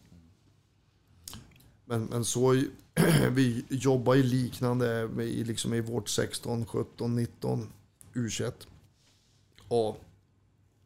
Med eh, att försöka förhå- förhålla det till så att vi utbildar våra spelare till vårt representationslag innan det är färdigt. Men Mm. eh, ibland beroende på spelare lite grann och eh, så kan det bli lite förändringar. Hur går det med eh, finnen där? Uti Salo heter han va? Ja, Säger han vass? Ositalo. Ositalo heter han. eh, han är bra. Mm. Absolut, så han är ju uppe och eh, tränar en del med A-lag, A-laget ibland och eh, U21 och i de miljöerna. Så att han är, Han är 17 va? Typ. Ja, han är 04. Ja, som just det. Som Johan Bengtsson och Alexander Larsson. Just det. Mittback. Mm. Just det. Han har en brorsa också eller? Ja, Han är kvar i Finland eller? han är i Finland. Just det. Eh, Det här med supportrar och fotboll, det är ju, och ska väl också vara ganska mycket himmel och helvete. Och eh, nu eh, har vi ju, som vi redan sagt för många gånger, inlett den här säsongen med två raka förluster. Och det, tittar man på diverse supporterforum så ser det ju inte direkt muntert ut. Eh, Men eh, jag gissar att du har en tro på att vi kommer klara oss kvar i Allsvenskan i år. Absolut. Och eh, vad är det som kommer göra att vi trots allt eh, kommer klara oss kvar? Joe Corona. Nej, men alltså det är ju den spelargrupp vi har och utifrån att vi, vi måste våga vara lite långsiktig, men eh, inte mer långsiktig än att vi ska se till att spela allsvensk fotboll 2023. Men eh, det är ju kvaliteten på den här gruppen som gör att jag tror stenhårt på att vi spelar allsvensk fotboll. Eh, vi gör en, kanske låter konstigt när jag säger, vi gör, vi gör en bra prestation borta Sirius. Eh, är det något lag som ska vinna den matchen så är det GIF Sundsvall. Men rättvist är nog ett kryss innan det är färdigt. Men med små marginaler, individuella misstag så blir det noll poäng. Och eh, det, är, det är ändå en okej prestation från vårt lag eh, som nykomling i Allsvenskan. Däremot så totalt sett så gör vi för dålig prestation mot Hammarby som ändå är ett förväntat topplag. Men, eh, så det, det känns tyngre. Men eh, vi kommer att få, det kommer att vara en tuff resa och det tror jag alla är förberedda på. Och eh, vi ska se till att ha tre lag bakom oss. Det förväntas inte heller att vi kommer att driva och föra jättemånga matcher. Utan vi måste bli skickligare på andra saker och det är väl det som många allsvenska lag har problem när man kommer upp i allsvenskan. Vi kan väl bara ta Halmstad som var fantastiskt bra i, i, i superettan 2021. Eller 2020. Och eh, där man då får slita från att man är spelförande och driver matcher till att man får försvara sig på ett annat sätt. Och det är väl det vi hoppas att vi, som också Henrik och Brian, att kunna liksom konstruera laget med sådana kvaliteter som gör att vi, vi blir ännu vassare i vårt omställningsspel. Än vad vi har varit. Sen så för vi och driver gärna matcherna mot de mindre bra lagen i Allsvenskan. För där har vi i alla fall alla kvaliteter för att vi ska driva matcherna och vinna de matcherna. Jag tror också att man ska ha ett fokus. Eh, jag vet att jag kan inte exakt poängerna men eh, 2018 när man tycker att det var ett succéår för GIF Sundsvall. Vi, är ju ändå på övre halvan, vi vart åtta. Så, så tror jag nästan till det var att vi tog bara någon poäng av topp sex lagarna i Allsvenskan det året. Vi tog och vann rätt matcher mot de lagarna som kom efter oss. Och det är så vi också kommer måste jobba. Vi ska slå rätt lag, vi ska ta poäng mot rätt lag. Sen så ska vi se till att vi ska utvecklas och, och, och göra det mot de så kallade topplagarna. Eh, de kommer vi också ta poäng av. Det är jag säker. Men det är inte så att vi kommer att vinna hemma och borta mot de här topplagarna. Vi ska göra bra prestationer. Sen ska vi slå de mindre bra lagarna. Jag tror att vi slog Östersund borta 2018. Det var väl ett av de lag som kom före oss. Men Ja, kan... annars var det inga vinster. Nej. Däremot ett gäng kryss då kanske. Precis. Men, och, och det glömmer man snabbt liksom, när det liksom man, vi, vi, vi samlar ihop rätt poäng. Och det, det är det som är viktigt. Men därför så gäller det att ha ett riktigt fokus mot, om man säger lagarna på nedre halvan. Utifrån att vi ska spela allsvensk fotboll 2023. Jag tror inte så många hade problem heller egentligen med att vi torskade mot Bayern utan det var väl mer också att det kändes som att det inte var... Att det inte smälldes på och liksom att vi backar ner och de får stå och skjuta liksom. Och det, det är ju där man börjar känna en oro att om man tittar mot Sirius så, så Mustafa Zeidan stod och sköt fyra gånger i hålet framför vår backlinje i första halvlek. Där tänkte jag, alltså när han till slut satte den i stolpen så tänkte man att det måste ju täcka till den ytan. Matchen efter mot Hammarby så kommer Svedberg in och får skjuta precis i den ytan. Eh, Besara gör också det. Och ändå fortsätter vi backa och där känner man så här, men är det bara, alltså, ser jag i syne eller liksom syns det inte att man får flytta ner någon eller flytta upp? Och det, det, det är där man känner en oro tror jag. De flesta gör i alla fall att, att torska mot Bayern, hade vi torskat med 2 3-1 liksom, det är inte hela världen men... Jag håller helt med. Så, eh, helt, helt med. Så att det är inga konstigheter och det är precis det som, det får inte se ut så. Nej, nej exakt. Det är bra. Eh, jag har egentligen bara en fråga kvar, men det är en väldigt viktig fråga. Det är ju att inför i år så har det pratats väldigt mycket om namnkunniga spelare. Och med namnkunniga menar jag kanske framförallt att det är coola namn. Det är Forrest Lasso, det är Joe Corona, det är Ronaldo Damush. Eh, och du som har varit sportchef sen, hur länge är det nu? Det, jag är inne på mitt 28 år. Mm. Sen Hedenhös med andra ord. Sen Hedenhös. Ja. Eh, Men då funderar man på, vem av alla spelare du har värvat genom de här åren tycker du har det bästa namnet? När man kan eh, titta på de här 28 åren så inser man nog att jag är gammal och då har jag lite dåligt minne. Eh, nej, det är faktiskt, jag måste nog säga att det är nu 2022 som det häftigaste namnet och det är Forrest Lasso Mm. i min värld. Mm. Och då måste jag också ställa en följdfråga. Varför har du inte lyft upp Sammy Davis i A-truppen? när det nu är sånt namnfokus. Han är en oerhört spännande mittback som är på gång att snosa. Nu gjorde mål idag mot AIK. Ja, hur blev det? det, var 3-2 tyvärr. Det var en straff till AIK när det är några minuter kvar. Så att, eh, Ovanligt. ja, så ser det ut ibland. Så att, eh, men en bra prestation, men tyvärr. Och det, det är också utbildning, men eh, vi är ju här för att vi vill tävla och vi vill vinna. Så det var surt, men gjorde ett fint nickmål idag. Vi hade Men- två, två matcher mot AIK idag. Ja, Torsk båda eller? Eh, ja, jag är inte riktigt med på slutet här på Ah, okej. P16 utifrån vad det varit innan det var färdigt. Ja. Men eh, Sammy Davis är på gång, så snart är han här. Härligt. Hur, hur tänk, tänkte ni någon gång att ni skulle ge Joe Corona nummer 19? Ja, Ja, ville han inte? eh, nej, Nej, det var, var det så? På Ja. riktigt? Ja. utan eh, han vill ha nummer 30. Och Erik Andersson var aldrig sugen att lämna över sjuan till Ronaldo? Nej, Nej, bra. Det vill inte vi. Nej, det är bra. Det var det jag ville klargöra. Så Ronaldo hade lite tufft med numren, men han nöp 12 innan det var färdigt. Ja. Vill han ha sjuan? Du, jag vet faktiskt inte, jag gav mig aldrig in i det. Det var Morgan, Morgan Eriksson, vår materialförvaltare, som fick det fina jobbet att hantera numren med de som var kvar. Eh, för han såg nog vilka som var upptagen och de kommer sällan som ny och pekar på ett nummer. Nej. Då ska det vara bra. Ja, då ska det vara Då bra. ska man vara Bobakar Travelli som ska göra 100 mål i Hammarby. Var det inte när, det var väl eh, när, när Ronaldo, eh, alltså brasse Ronaldo kom till Inter var det väl? När Ivan Zamorano Jo. var där och hade nummer 9 och så kom Ronaldo och sa den här ska jag ha. Så tog Zamorano nummer 18 och satte ett plustecken Ja, exakt. Ja. Var genialt. Ja, verkligen. Men hörni grabbar, jag måste ju fråga er också då. Urban säger Forrest Lasso. Om eh, Johan, vilket tycker du är det coolaste namnet på en GIF-spelare? Vi vi har en ungdomsspelare då som heter Jakob Jäger Röding. Det är ett bra namn. Men jag vill, i A-lagssammanhang så säger jag Nisse Bjuggstam.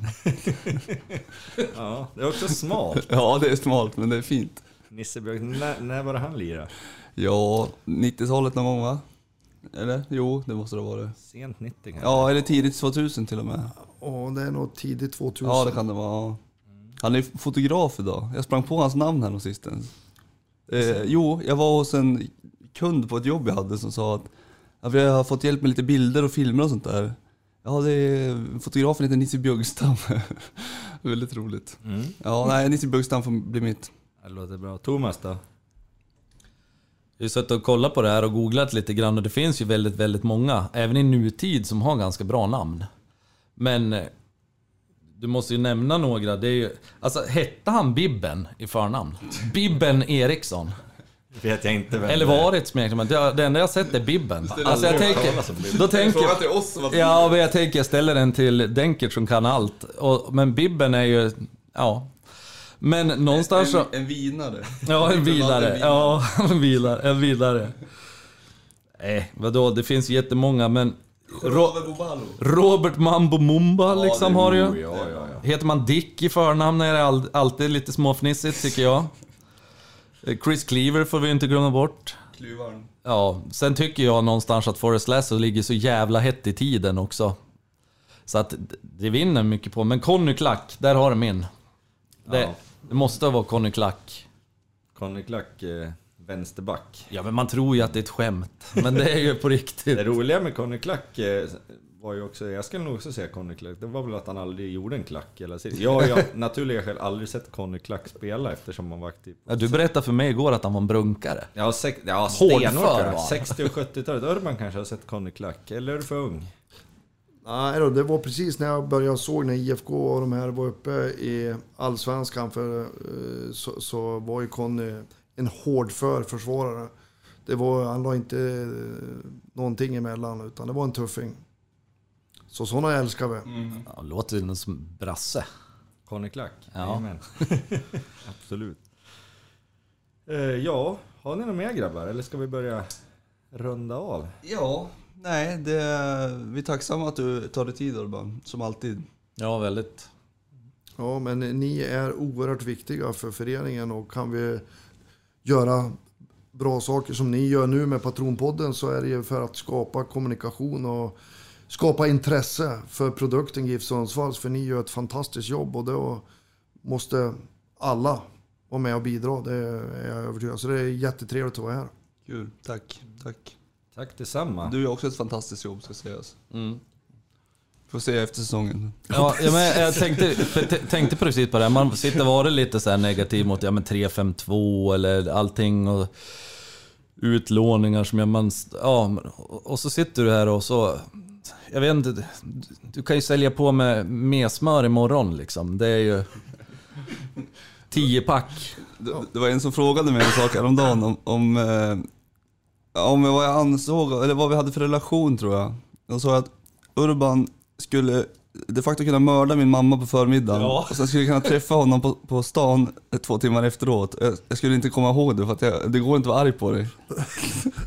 Tack för det. Du skulle också, han skulle också kunna övertyga dig om att det var den bästa idén och att du Ja, själv ja, skulle ja, kunna ja, ha gjort det. verkligen. Och varit tacksam och Hon gett var, han hon var inte en blommor. Det var, var ett dåligt exempel. Du som en fantastisk mamma liksom, Ja, som tack. är Det oerhörd. var inget mot varken dig eller min mor. Det var en hyllning fast det blev... Det är verkligen tack för det, tror jag. Ja visst. Tack, tack. Ja, men stort tack Urban för att du kom hit och lycka till med säsongen. Ja, stort tack, det behöver vi och vi tillsammans ska se till att vi fixar det här. Helt Ni är lika viktiga, det är, det är ni som är den tolfte spelaren. Och det är det vi ska få till, att det är vi tillsammans som ska göra det här. Vi Stort lovar tack, kör hårt. inga kvartssamtal innan omgång 10, det lovar vi. Och varför fick Ronaldo vårat nummer i så fall? Ja, bra fråga. Ja, jag tänkte nämna det förut, men det, där, det var ju någon vansinnesgrej att ingen skulle få nummer 12. Ja. Det skulle vara pe- vi får sluta pensionera nu. Ja. Leif kan jag köpa, men sen får det vara nog. Vem var det som tyckte att vi inte skulle pensionera Leif? Min far tyckte inte det bland annat. Men nu ska vi inte, nu har vi redan hängt ut min bror. Så nu, nu får det vara nog. Ja. Och det har verkligen ingenting med Leif Forsberg göra ska jag poängtera. Utan det är mer att man pensionerar inte tröjnummer i fotboll. Det är hans bestämda Så åsikt. länge ingen har 99 så är jag nöjd. Ja. Ja, det får bli slutorden. Ja. Tack så mycket. Tack. Tack, tack.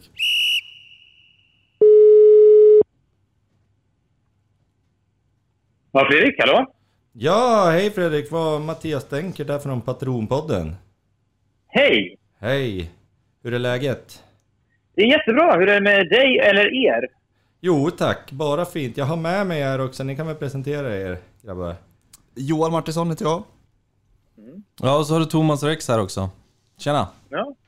Hej, vad kul. Och Hugo von Seipel sitter där också. Otroligt. Hur är det? Ja, det Fan, är det, bra. det, jag kommer nästan, nästan faller in i norrländskan direkt. Nästan. Ja, vi får jobba lite grann på det. Ja, men läget? Ja, ja, jättebra. Det är, det är en lustig slump för att jag har varit ledig idag och då ibland en gång vartannat år kanske så åker jag till någon av platserna jag har bott på tidigare. Och då åkte jag inte till Juniskär just den här gången. Jag åkte till Otterbäcka som jag bodde i innan jag flyttade till, eh, till eh, Sundsvall. Så jag har en slags, haft en slags nostalgisk liksom, eh, memory lane-dag. Aha. Vad Trevligt. Och så, försö ja, men så försökte jag få känna mycket, men så kände jag inte så jävla mycket. Det var så jävla länge sedan jag bodde där. Då var det, det är liksom fel årstid, det är allt är brunt.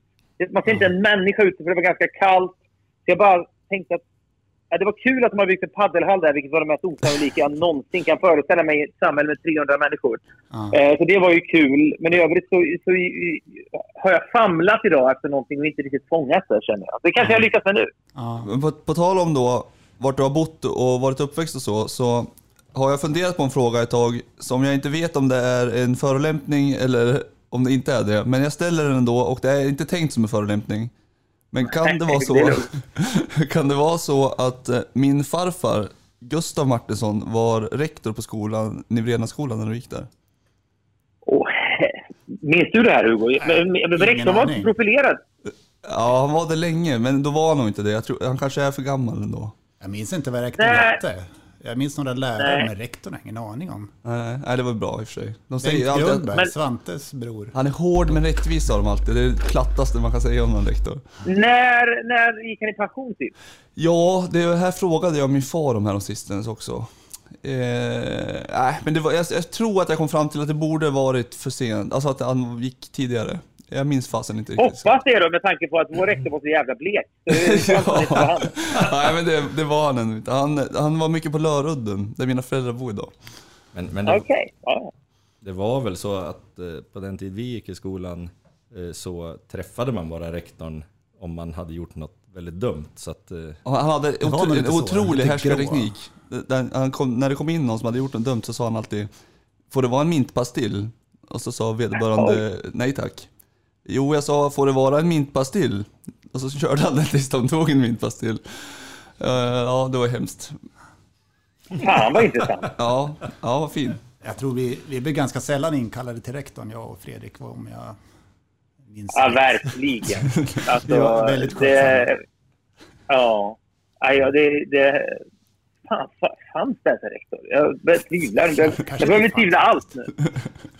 Men Bengt Grönberg, om vi ska vara nostalgiska, det är ju min gamla klassföreståndare Ja. för övrigt. Som du nämnde. Just det. Och det är väl Svantes bror, va? Svantes kusin. Kusin? Ja, Jajamän. okej. Med släkt i alla fall. Svante Grönberg, för övrigt gammal GIF Sundsvall-supporter. Oj, oj, oj. Sådär. Uppvuxen på Essvik. Fel sida Ljungan, säger jag. ja, men eh, vi har inte sagt det, men det är alltså Fredrik Wikingsson som vi har med oss på telefonen. Kan ju vara bra med en ordentlig presentation också. Ja, sänkt ribba för ordentligt. Om det, om det där är allt vi ska säga. Ja, men jag tror Men att det, jag ditt namn eh, talar väl för sig självt i mångt och mycket. tycker inte att det gör det riktigt. Framförallt inte när jag ska boka eh, restaurangbord så märker jag ofta att det i Stockholm är bättre att dyka upp och då kan de känna igen en och man få bord. Men om jag bara ringer då har liksom erfarenheten lärt mig att det där, mitt namn är för långt för att liksom ha någon effekt. Det är liksom för oslagkraftigt. Även om Wikingsson är ett ganska, i teorin ett bra namn Det är ett så skitbra. har det inte gjort... Ja, vet- ja precis. Men det är, det är bara i teorin, för det kommer för många stavelser innan det blir slagkraftigt och då slutar folk lyssna. Aha. Det är livets hå- hårda skola lärt mig. Ja, lite tufft. Jag skulle förklara vem vi skulle ha med i podden idag till, till någon, jag behöver inte säga vem, och då sa jag, ja, Fredrik Wikingsson ska vara med också. Vem är det? Och då blev det Ja, med, säg ja, just det. Eh, ja men Filip och Fredrik då? Ja, ja, ja. Då, då, då gick Men det. så är det ju. Ja, men jag- För, förnamn. Du får Det- boka det- i ja, Filip och själv- Fredrik Fredrik istället. Ja, men det skulle jag... Även, vem har man blivit då? Man kan inte göra det. Alltså, då, då, då tar jag hellre ett nej från krögaren än att liksom reducera till det. Men Det- eh, sen däremot får man ju finna sig i Herregud, vem blir man om man inte fattar det? Alltså, jag, jag kan ju bli kallad... Är det du som är Filip och Fredrik? kan man få höra. Och det, ja, visst, absolut. I'll take it. Ja men det hedrar liksom- dig Fredrik.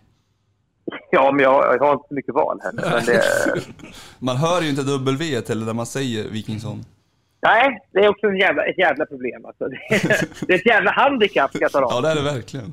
Men apropå det, nu kommer jag låta som en stalker här och det är jag kanske också, men W, eh, är det inte så att eh, du föddes med enkel-V i folkbokföringen? Hemskt. Ja, alltså, ja, det är inte så intressant, men jag tror att min, det står fel. i Mitt pass fel i mitt pass flera år, att det stod enkel-V. Eh, och sen så, fast min farfar hette Viking Svensson, eller Viking, farfars, ja det var ja, det är ingen intressant. Det är, det är liksom en, en riktigt svag släktkrönika som mynnar ut i att jag tror, jag, jag tror att jag ändå hetat med W hela tiden, men, att, att det, var- men det bara blev något fel. Ja. Okej. För, Ja. Ja, men det är vanligare att de förenklar i folkbokföring tror jag. Folk som heter Mm. egentligen C, Oskarsson med C, att det står K där och de som heter med W, att det står V. Av. Ja, jag har Det är vår, vår tids stora underachievers hamnar på folkbokföringen. Ja, precis. Jag tycker det är ett märkvärdigt W. Nej. Jag har någon Ja, kompis som har svårt att resa också för att det står eh, en sak i biljetten alltid fast det, ja, som det står i bok- folkbokföringen men det är något annat på typ eh, lägget eller något, jag vet inte. Det är struligt. Ja, men det där, kan vara, det där hade jag också eh, faktiskt, eh, problem med då, innan jag lyckades få till det här med W. Det var en otroligt byråkratisk process. Men, men det där vill man ha enhetligt. Ja, verkligen. anledningen, vi kanske ska stöka av det nu direkt. Anledningen till att vi kom in på namnfrågor, det, det är för att i den här podden så brukar vi alltid göra någonting med våra gäster som kallas för Jämtlandskollen. Där vi helt enkelt kollar upp om man har några jämtländska rötter. Och då är det ju positivt om man inte har jämtländska rötter i det här fallet. Eh, Så att vi har gjort en sån Jämtlandskoll på dig och jag kan med glädje meddela att det finns åtminstone fem generationer bakåt inget Jämtlandsblod i Fredrik Wikingsson. Ja, vad, vad, vad finns det då? Framgick det? det, kanske, inte- det är Ja. bara, ni, bara, ni, ni söker bara på Jämtland kanske? Nej då, det är mycket Småland, eh, lite orter där, Virestad, Pjätteryd, eh, Okej, ja. Filipstad, det är väl Värmland. Ja. Eh, ja, men där bodde, där bodde min farmor tror jag. Okej, jajamän. Men väldigt mycket Pjätteryd faktiskt, som väl är någon slags IKEA-tavla också tror jag. Eh, det är väl, Det ringer en klocka faktiskt. jag tror att det är Gustav Klimt, vad heter den, Kyssen? Eh, Eller Aha. någon här Klimt-tavla, fast på IKEA så är den tryckt och heter Pjätteryd istället. Något av ett förminskande av Gustav Klimt. Det kanske är Pjätteryd jag ska åka till nästa gång jag har en ledig dag och vill åka någonstans och känna noll. Ja, Ta med dig Denkert. ja. Du är otroligt enkel på att veta saker. ja. Däremot så gjorde ju både jag och Hugo lumpen i Östersund. Eh, och eh, jag vet inte hur Hugo hade det riktigt, men jag hade det, det var jävligt härligt i Östersund. Jag blev helt såld på Östersund. Jag nästan, kunde nästan ha hamnat i Östersund, för jag sökte praktikplats i Journalisthögskolan på Östersundsposten, för jag tyckte det var så härligt där. Men, och det var så tryggt på något sätt. Men sen så var det sju andra i min klass som ville söka dit. Så att jag, det fanns däremot ingen som sökte till Aftonbladet, så då var det enklare att bara få praktik där. Och så hamnade jag i Stockholm. Annars hade jag mycket väl kunnat bli en jämte. Det gillar ni inte. Nej du. Vi är väldigt glada att det inte blev så. Det är en chimär också det härliga. De tror ju alltså på någon jävla odjur i en sjö och presidenter och allt fan. Det är usch. Ja, det är sant. Ja, det är sant.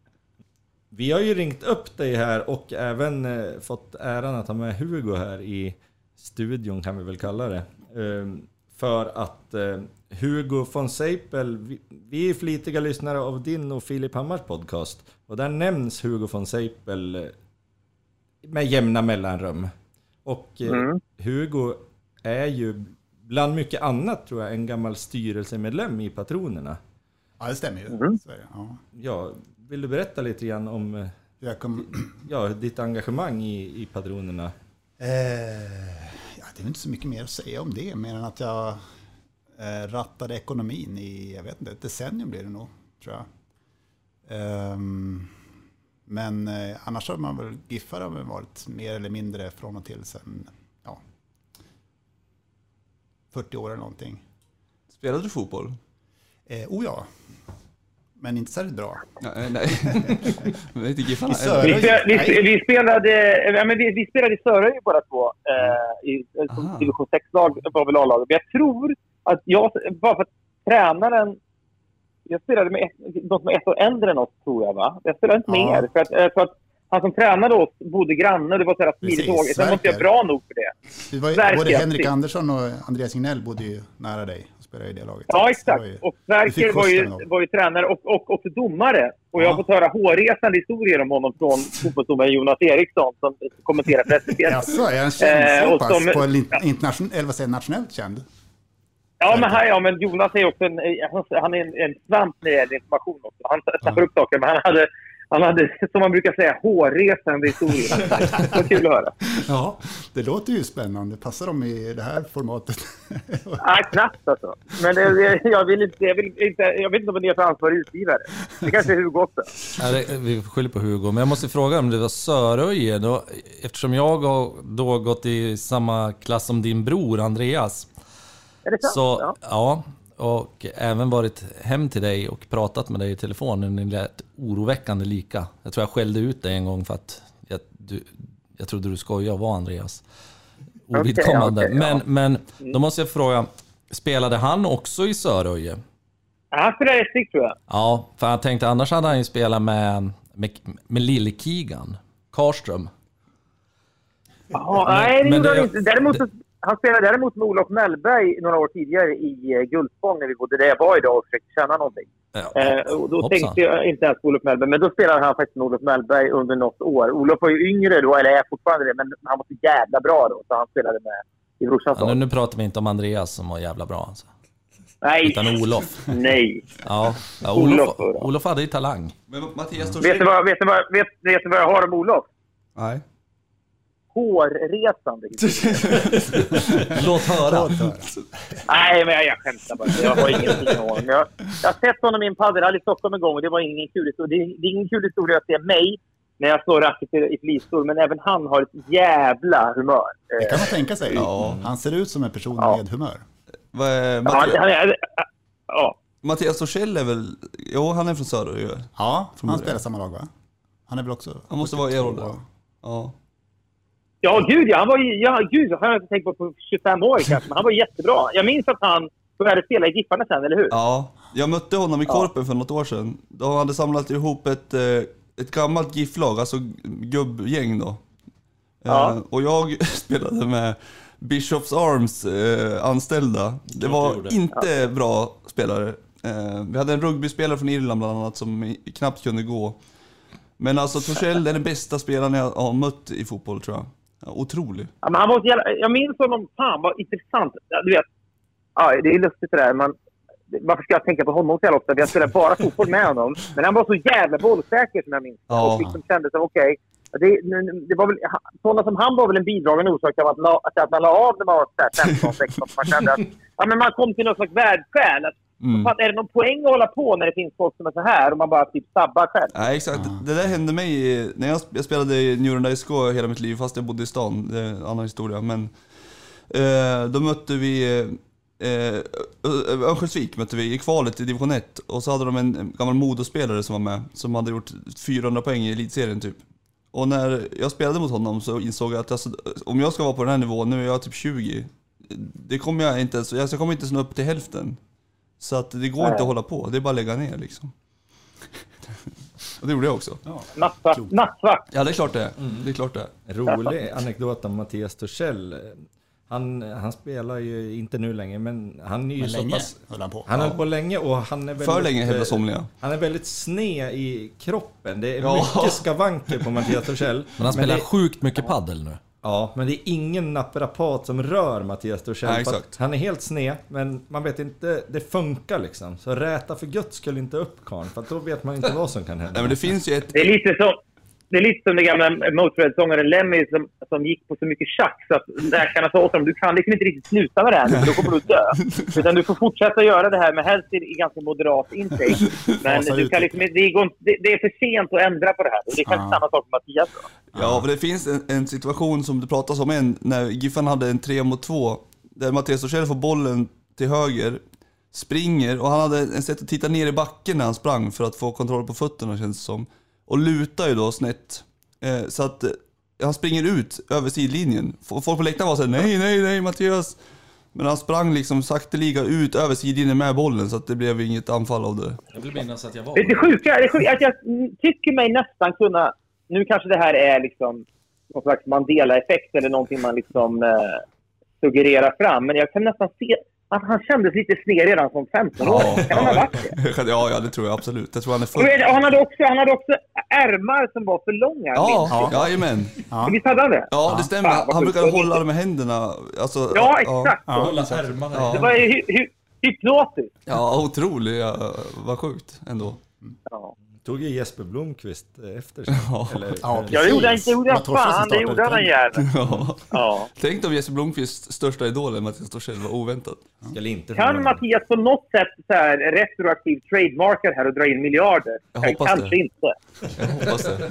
Och så kan, så kan Hugo ratta ekonomin, precis som jag gjorde för Han, patronerna. han gjorde ett mål när den omtalade Lee Baxter en gång eh, skulle eh, skicka bort bollen. Väldigt kritiserad och vid det tillfället tror jag att Torssell också var så milt kritiserad i våra kretsar. När det varit en eh, duell där Torssell hoppar upp och Lee Baxter knockar, istället för bollen så knockar han Torssell och slår honom i ansiktet. Och Torssell får pannan på bollen samtidigt så han gör mål mot eh, Malmö borta som vi absolut inte skulle vinna mot. Eh, så att han i någon slags hybrid mellan att fira och grina illa så blir det en otrolig målfirande som jag minns än idag. Fan, finns det på YouTube? Jag, ska, jag ska leta upp det och i sådana fall så kommer jag vidarebefordra det. Ja, gör det. Fan, jag måste, jag börja, måste börja bildgoogla Mattias nu känner jag. Så här.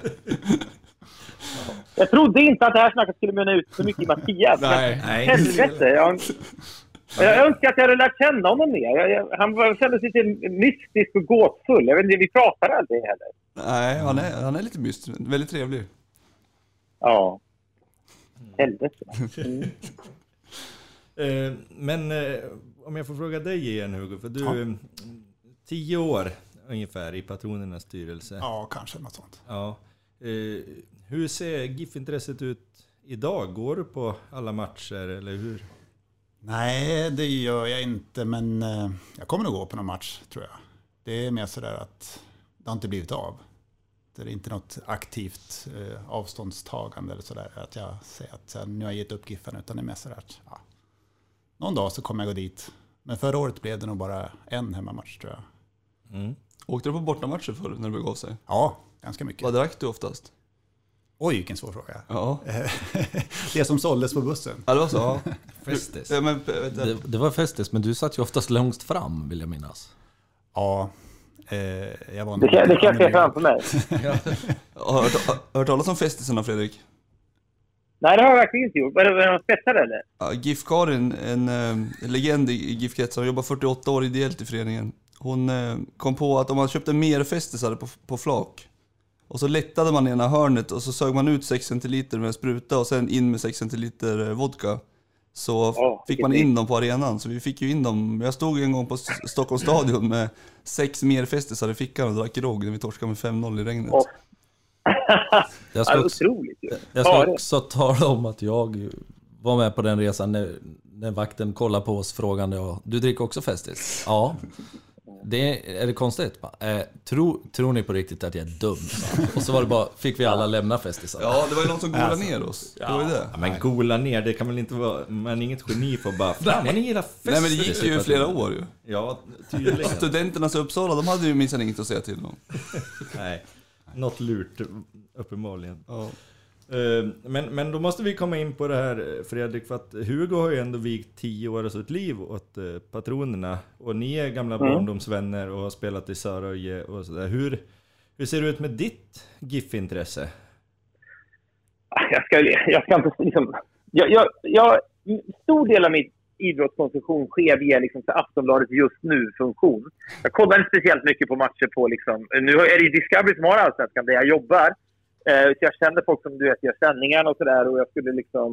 Jag bor ju här, skulle kunna gå på massa matcher. Men om någon jävla anledning så är det liksom pappers-VM på morgonen så, så läser jag hur det har gått i Allsvenskan. Eller Aftonbladet just nu-funktion. Den är ganska dålig, så att ofta fokuserar man bara på en match. Men så att jag, och då, då noterar jag förstås alltid hur det går för Giffarna. Så jag gläds när det blir en vinst. Men jag, jag, jag kan liksom inte säga att jag så här, åh, nu möter de snart Mjällby. Jag har liksom ingen koll riktigt. Utan det är liksom det mest, på samma sätt som jag kanske var liksom Sveriges mest passiva fältbiolog när jag var fältbiolog så var, är jag kanske Sveriges mest passiva GIF Sundsvall-fan. Så att jag är liksom bara... Men Fredrik, Men, Enda fördelen är att det är både med och motgång. Alltså det, det, jag sviktar aldrig. Nej, det är lite lika passivt i alla lägen. Lika lagom. Men en av dina första journalistiska insatser var ju faktiskt en eh, GIF-intervju. Kommer du ihåg den? Ja, ja, fy fan. Ja, Helvete. Lill-Damma Mattsson. Ja. Jag höll i kameran och du intervjuade. Ja, det, jo, men vänta nu. Det här, det här var ju alltså, på IT menar du? Ja, jag tror att det var i Bergsåker faktiskt. De tränade där inför en kvalmatch. De kvalade väl upp Ja, då för från... Mitt, mitt, då, då ska vi berätta om det, för det har jag kanske förträngt. Men mitt tydligaste minne kring Giffarna är att när, eh, det måste varit hösten 93 detta, eh, så kom vår eh, rektor in, eller fan, det var inte rektor heller, var, han var någonting, Pelle Sundberg kom in och så sa att eh, är det någon här som är fotbollsintresserad? Ja visst, räckte jag upp handen och sa. Ja, men för att Giffarna behöver hjälp med halvtidsintervjuer på arenan på IP under matcherna. Eh, Och eh, det här kan vi turas om att göra så får ni lite livebana. Eh, Men då kan ju du börja då, sa han. Okej. Och så minns jag att Giffarna mötte Djurgården och att det var Grönhagen som tränade Djurgården då, som hade spelat i Giffarna innan, eller tränat Giffarna. Ja. Så han var ju då en profil i Sundsvall. Det var ett intressant snack då. Och då så skulle jag då göra intervjun i halvtid bara för arenan då, live, inte i någon eh, radio eller tv-sändning. Så jag går ut då med någon jävla trådlös mick i, i mittcirkeln, eller ut på plan åtminstone, där Grönhagen då är det naturliga intervjuobjektet. Och så funkar inte mickjäveln. eh, så att det hörs ingenting och Grönhagen tappar ju tålamodet efter 10 sekunder. Han vill ju bara bort. Eh, och så säger de i högtalarna Ja Fredrik, nu får, du, nu får du sätta igång här. Och jag bara försöker gestikulera. Micken funkar liksom inte. Jag försöker sätta på och stänga av. Och sen... Äh, äh, Ah, äh, mörkt. gigantisk pyspunka ja, pyspunka och det började skrattas och liksom buas från läktarna då. Förstås, för det var ingen som brydde sig om det där. Och sen, jag undrar om det var sista gången jag satte min fot på isen faktiskt. Att jag fick liksom, jag kände mig liksom att jag hade bränt mig där. Men vad var det här Men det, intervjun med Lill-Damma, den var ju en succé. Men det var ju ett... Eh, det var för något slags skolarbete, jag vet inte, det var i samhällskunskapen där. Eh, och vi, jag minns inte var det, varför vi, hur vi kom på det, men i alla fall så kom du på att vi skulle intervjua Lill-Damma. Och så skulle han skicka en hälsning till vår samhällskunskapslärare, Anders någonting. Så vi åkte ut och intervjuade honom där, jag höll i kameran och du ställde några artiga frågor. Och sen, och så fick han hälsa till gjorde- Anders på slutet där. Vad hette han? Han, han dog sen. Var det Anders Sjögren? Ja. Det kan Det hända. var inte, för han lever i alla fall. Om det nu Jag minns inte vad han. han hette efternamn. Anders Sjögren Okej. hade jag på Hedbergska. Lever han? Fan jag, vad jag sprang på Jag gillar honom. Ja, Jag sprang på Sjögren för något halv... I somras var det. Eh, och Han är en glad pensionär. Och Han, han gillade har- i alla fall, kommer jag ihåg. Vet du vad jag har om honom? Hårresande. Nej, det känns som att det finns hårresande historier om honom, men jag har inga. Det kan ha en sån utstrålning, så jag känner levnadsglad. Ja, Ah, vi försökte ja, bjuda honom på sprit Det- på skoltid, men det gick han inte med på. Nej, det kan jag tänka mig att han inte gjorde. Men, han, han vill inte relapsa. känns det. Eh, Men, men eh, ja, det, det ringer en liten klocka. eh, Att vi kanske åkte ut och gjorde något sånt. Men varför var det inte på Bergsåker då? Det fattar jag inte. Eh, ja, vad kan det vara? Men de jag tror att det var där. bättre kanske, förhållanden. Man fick väl inte komma in kanske på JPS så mycket. Det var någon vaktmästare som sa nej. Men det måste vara för vi hade, ja, men du hade väl din kamera helt enkelt? Ja, precis. Det var den där videokameran som jag hade. Ja, Eh, så som att vi- displayen var svartvit i och så, så tänkte man att nu blir det svartvitt och så blir det färg i alla fall. Det var, Ja. var någonting med den kameran som var udda. Jag tror vi hade något fel på inställningarna kanske. Eller Ja, var det för att säkert. skulle vara bäst? Man, man undrar ju om det här finns på YouTube. Ja, verkligen. Troligtvis inte. Nej, men- det finns nog på något av de här banden som min mamma spelade över sen. Ja, fy fan. Ja, men vi Usch. gjorde ju mycket. Vi gjorde ju mycket. Det, att, att ha plats alltså. Men vi gjorde ju då sketcher som vi visade upp på, på klassfesten, vilket ju är otroligt där i efterhand. Eh, men det, vi, alltså, det var väl ganska kul. Men, men ja, det var väldigt kul att göra dem. Men, men att vi visade dem på klassfesten är liksom...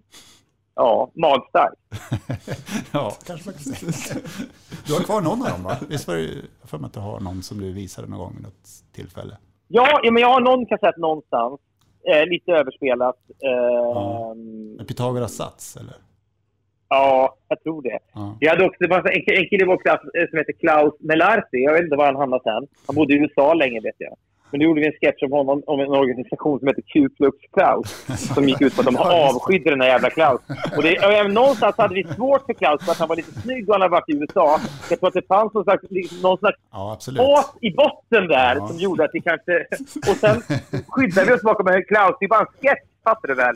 Men han, han och alla som såg den där fattade ändå att i, i botten fanns det liksom en, en, en klang av förakt mot Dennis Ja, Klaus. det hade man aldrig kunnat listat ut om någon skulle göra en sketch heter Ku Klux Klan. Det här kunde man göra sent 80-tal eller när det var. Ja, då var man inte cancelled så tidigt. Nej. Nej, nej, nej, verkligen inte. Eh, Men, men jag tänkte säga det, alltså man, mär- om man lyssnar på din podcast och eh, följer dig på Twitter så märker man ändå att du har ett stort och kanske något destruktivt idrottsintresse. Åtminstone när det rör svenska landslaget i fotboll. Eh, Ja. Hur kommer det sig att eh, du inte är mer inne på liksom klubbfotbollen? Är det tidsbrist eller ointresse eller vad är det liksom som gör det? Alltså här, jag, jag, kan bli, jag kan bli väldigt engagerad i landslaget. Jag, var, jag såg Polen-matchen på Friends Arena nu med, med kompisar, bland annat då Jonas Eriksson, domaren som hade fixat in oss där då, och det var liksom... Ja, men det, jag, jag vet inte, jag blir så jävla engagerad och liksom deprimerad när det då går dåligt. Och det, jag vet inte om jag skulle kunna trolla fram någon förklaring till klubbfotbollen där folk ändå byter klubb. Vet. Nu älskar jag Messi och så plötsligt är han i PSG. Det är, och detta vet jag, så ser det ju ut. Men det är någonting med det som gör klubbfotbollen lite infam på ett sätt. Liksom. Okej, de här spelarna som jag avskydde nyss, nu älskar jag dem för nu gör de mål för mitt lag. Det kommer inte riktigt in play med landslaget på samma sätt. Där är det, samma, det är ändå hyfsat lika förutsättningar på något sätt. Jag vet inte om det är det är. Det är det det beror på, att jag bryr mig mer om landslaget. Eller så är det bara att det finns inte riktigt plats för liksom klubbfotboll. Jag har varken liksom något Premier League-lag jag gillar eller något i Allsvenskan egentligen som jag så här råföljer. Liksom. Så att jag, det, är väl, det är väl kanske bara... Jag ska skylla på att jag har barn. Jag vet, nej, det kan jag inte göra heller. Jag, Men kan det inte bero på en lekmananalys, men att du inte... Alltså, jag menar du är uppvuxen i Sundsvall och det borde vara det normala kanske. Och sen har du flyttat till Stockholm, alltså att du kanske inte har känt att du har rotat dig hos ett speciellt lag i en speciell ort. Och Nej, jag, jag, var- man ska också väga in att jag, liksom, jag var 13 när jag flyttade till Sundsvall. Så att vissa så här klubblojaliteter sätter man ju långt före det till och med. Mm, så att det, mm. det är väl, jag bodde egentligen i Sundsvall jag, mellan att jag var 13 till jag var kanske 21 eller något. Så det är inte skitlänge. Mm. Så att på ett, jag har ju bott längre i Stockholm då, men det skulle aldrig falla mig in. Alltså det, min, det är min starkaste känsla vad gäller klubbfotboll är att jag avskyr Djurgården. Och att varje gång det går dåligt för Djurgården. Alltså det är inte... Det, när, jag, när jag kollar hur... Jag kan på riktigt veta, okej, ikväll möter Djurgården de här. Hoppas de förlorar. Och sen gör de det och då, blir jag liksom, då lyfter det hela min kväll. Det, det är jätteirrationellt. Men jag, jag har träffat så många vedervärdiga djurgårdare under mina år i Stockholm så att det har liksom färgat min, min bild av det laget ja, det köper jag. Och då, på den tiden när du bodde där, då, vi gick ju en del och tittade på liveidrott här i stan. Och då var det ju inte Giffarna framför allt. Det var väl basket ett Basketet? tag. Ja, Och verkligen. Sundsvall Hockey ett tag. Men framförallt basketen där i B-hallen var ju kul. Fina Dragons. Alltså jag, Innan Dragons. jag minns att, ja. Ja, ja men eh, precis. Det, men då, det var väl lite Dragons också, eller? Ja, de, de kom, när det bildades de. Det var ju, det kanske var när du gick på Journalisthögskolan där. Ja, exakt. Jag bodde fortfarande kvar i stan då, minns Ja. jag. Men jag minns... Jag, minns, jag har väldigt starka minnen från den där jävla B-hallen. Och det det var någon kille som hette Erik, kanske, va, som var jävligt lång, som var typ lika gammal som mig och Hugo. Som spelade för Giffarna som vi typ... Vi hade väl också något klasslag där Ulf Norin var med, minns jag. Ja. Ma- Marcus, vad heter han? Mackan... Ja, just det. Nyberg. Nej, Macke Kvarting. Nyberg, precis. Ja. Och då, ja, men var duktig. Och jag minns att jag, att jag mötte denne e hette han Erik? Han var så på snygg, lång... Fredrik Figge? Ja, Ja, Tigge, Figge ja, precis. Tigge hette han. Ja, Han gick säkert ekonomiskt eller något sånt där skit. ja precis. Eh, han, han var ju liksom lång och skitbra och kunde dunka. Och jag minns att vi mötte hans klass. Och vi hade Ja. inte en chans. Men att jag vann upphoppet mot honom. Och då tyckte jag att okej, nöjd. nu har jag åtminstone levererat. Ja. Ja. Och han polare med Klaus, han Figge. Nej. Nej, det, känns som att... Nej, men jag tror att Klaus var lite för sofistikerad för Tigge. Vi Tigge var var ju lite för rå. skol-DM i råvacker. basket faktiskt. Eh, Det var inte så, så stor bedrift kanske. Men sen fick vi möta ett lag från Östersund. Eh, Ja, just det. Det, Ja, det minns det blev stryk. Men jag satte en trea kommer jag ihåg. Då, då stod vi kvar och firade där medan de sprang upp och där, gjorde en layup. Men vi bara vi gjorde tre. Ja. Men B-hallen minns jag som att det var, ja, det, det var så jävla stämning. Eh, Ja, och det är inte lätt att vara nostalgisk men det var, så, det var så liten hall så att den Ja. var ju alltid väldigt fullsmockad. Liksom. Mm. Och att det bara var ena sidan, eh, va? Eller, eh, ena långsidan som det fanns folk på. Ja, precis. Ja, det och de, och de lagen som kom dit, de var ju inte vana att möta liksom 500 personer som stod och skrek. Så att de blev ju lite skraja tror jag. Men Så det om man jag kunde påverka fick- jag- matcherna ganska mycket. Ja, men jag fick för mig att, att, att, att Sundsvall under den säsongen jag följde hårdast, jag gick på alla hemmamatcher tror jag. Ja, jag tror vi Vann alla hemmamatcher och förlorade alla bortamatcher. Ja, minns alltså på det. riktigt. Ja, Ja. Ja, jag, jag, jag var som journalist på ST också så då fick man ju ofta ta de här handbollens division 1000. eh, Sundsvall mot, eh, inte vet jag, Brännan, Bi- Ja. Brännan till exempel. Om inte de var för bra. Det kanske var så här Myckel-Gensjö eller Mm. någonting.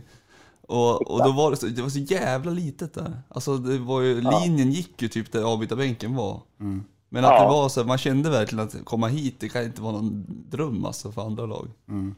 Nej. Jag köper det Det är faktiskt. lågt i tak. Ja, det är det så också. valvtak tror jag. ja, precis. Det känns Så lite... Det gjorde någonting för, eh, för akustiken tror jag. Att det kom, ljudet liksom gick rakt ut.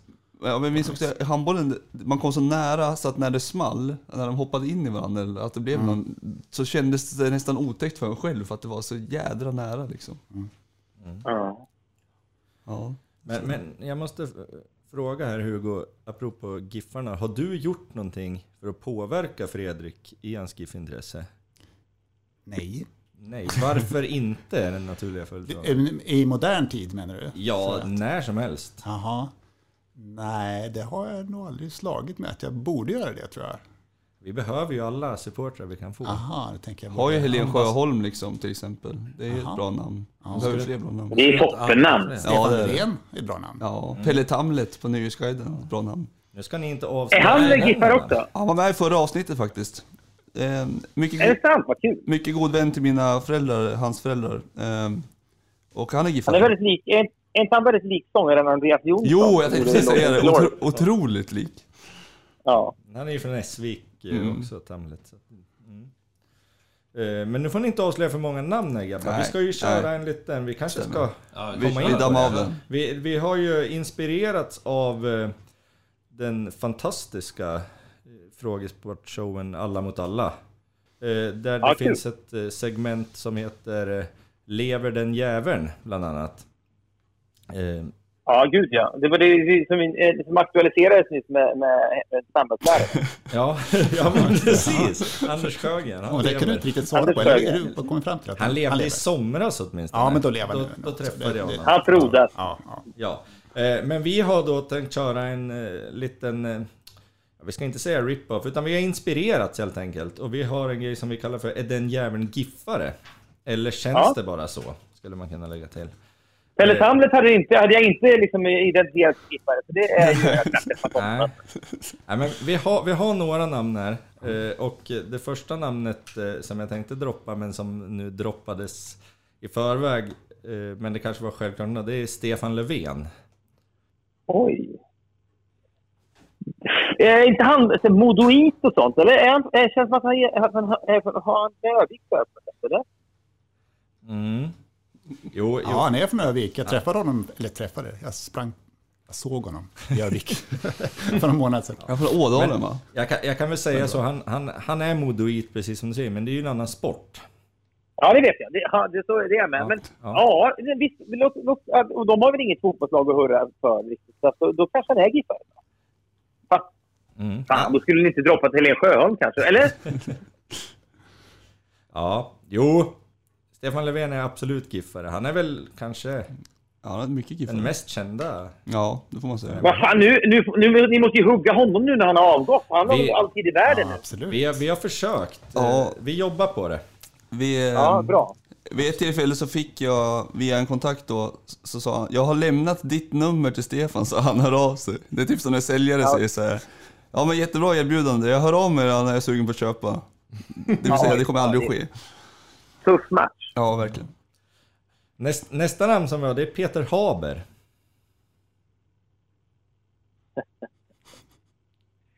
Peter Haber. Vet du vad jag har om honom?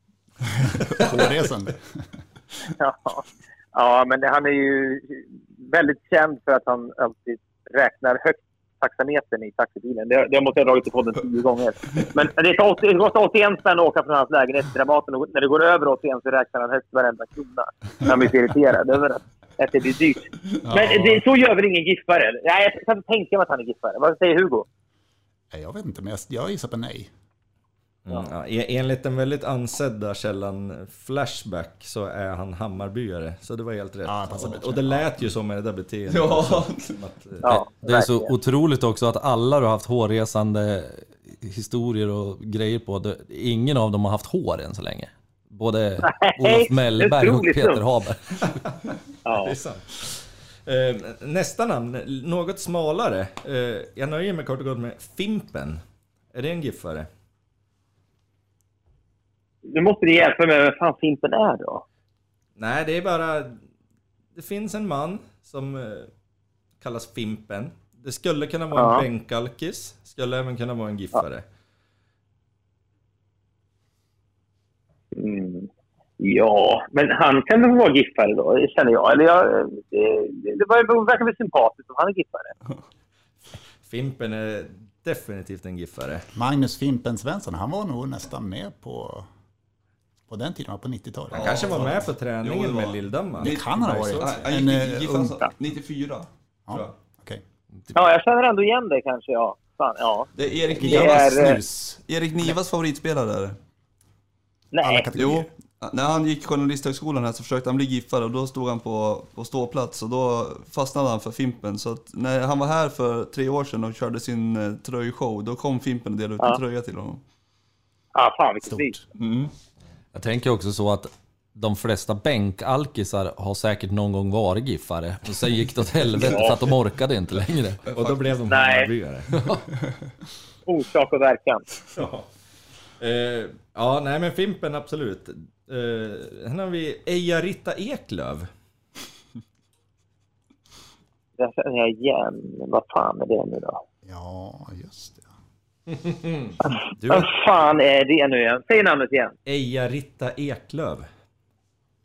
Hon lever inte va? Jag känner inte, jag känner inte igen efternamnet, men förnamnet ringer ju en klocka alltså. Ja, du har träffat Eija-Ritta. Ja, när då? Har hon, bytt, hon gift och bytt namn? Ja. Eh, ja, eh, du träffade henne i, eh, vad hette det programmet? 100 höjdare? Ja, Ja, Wall Winter. mm. Precis. stämmer.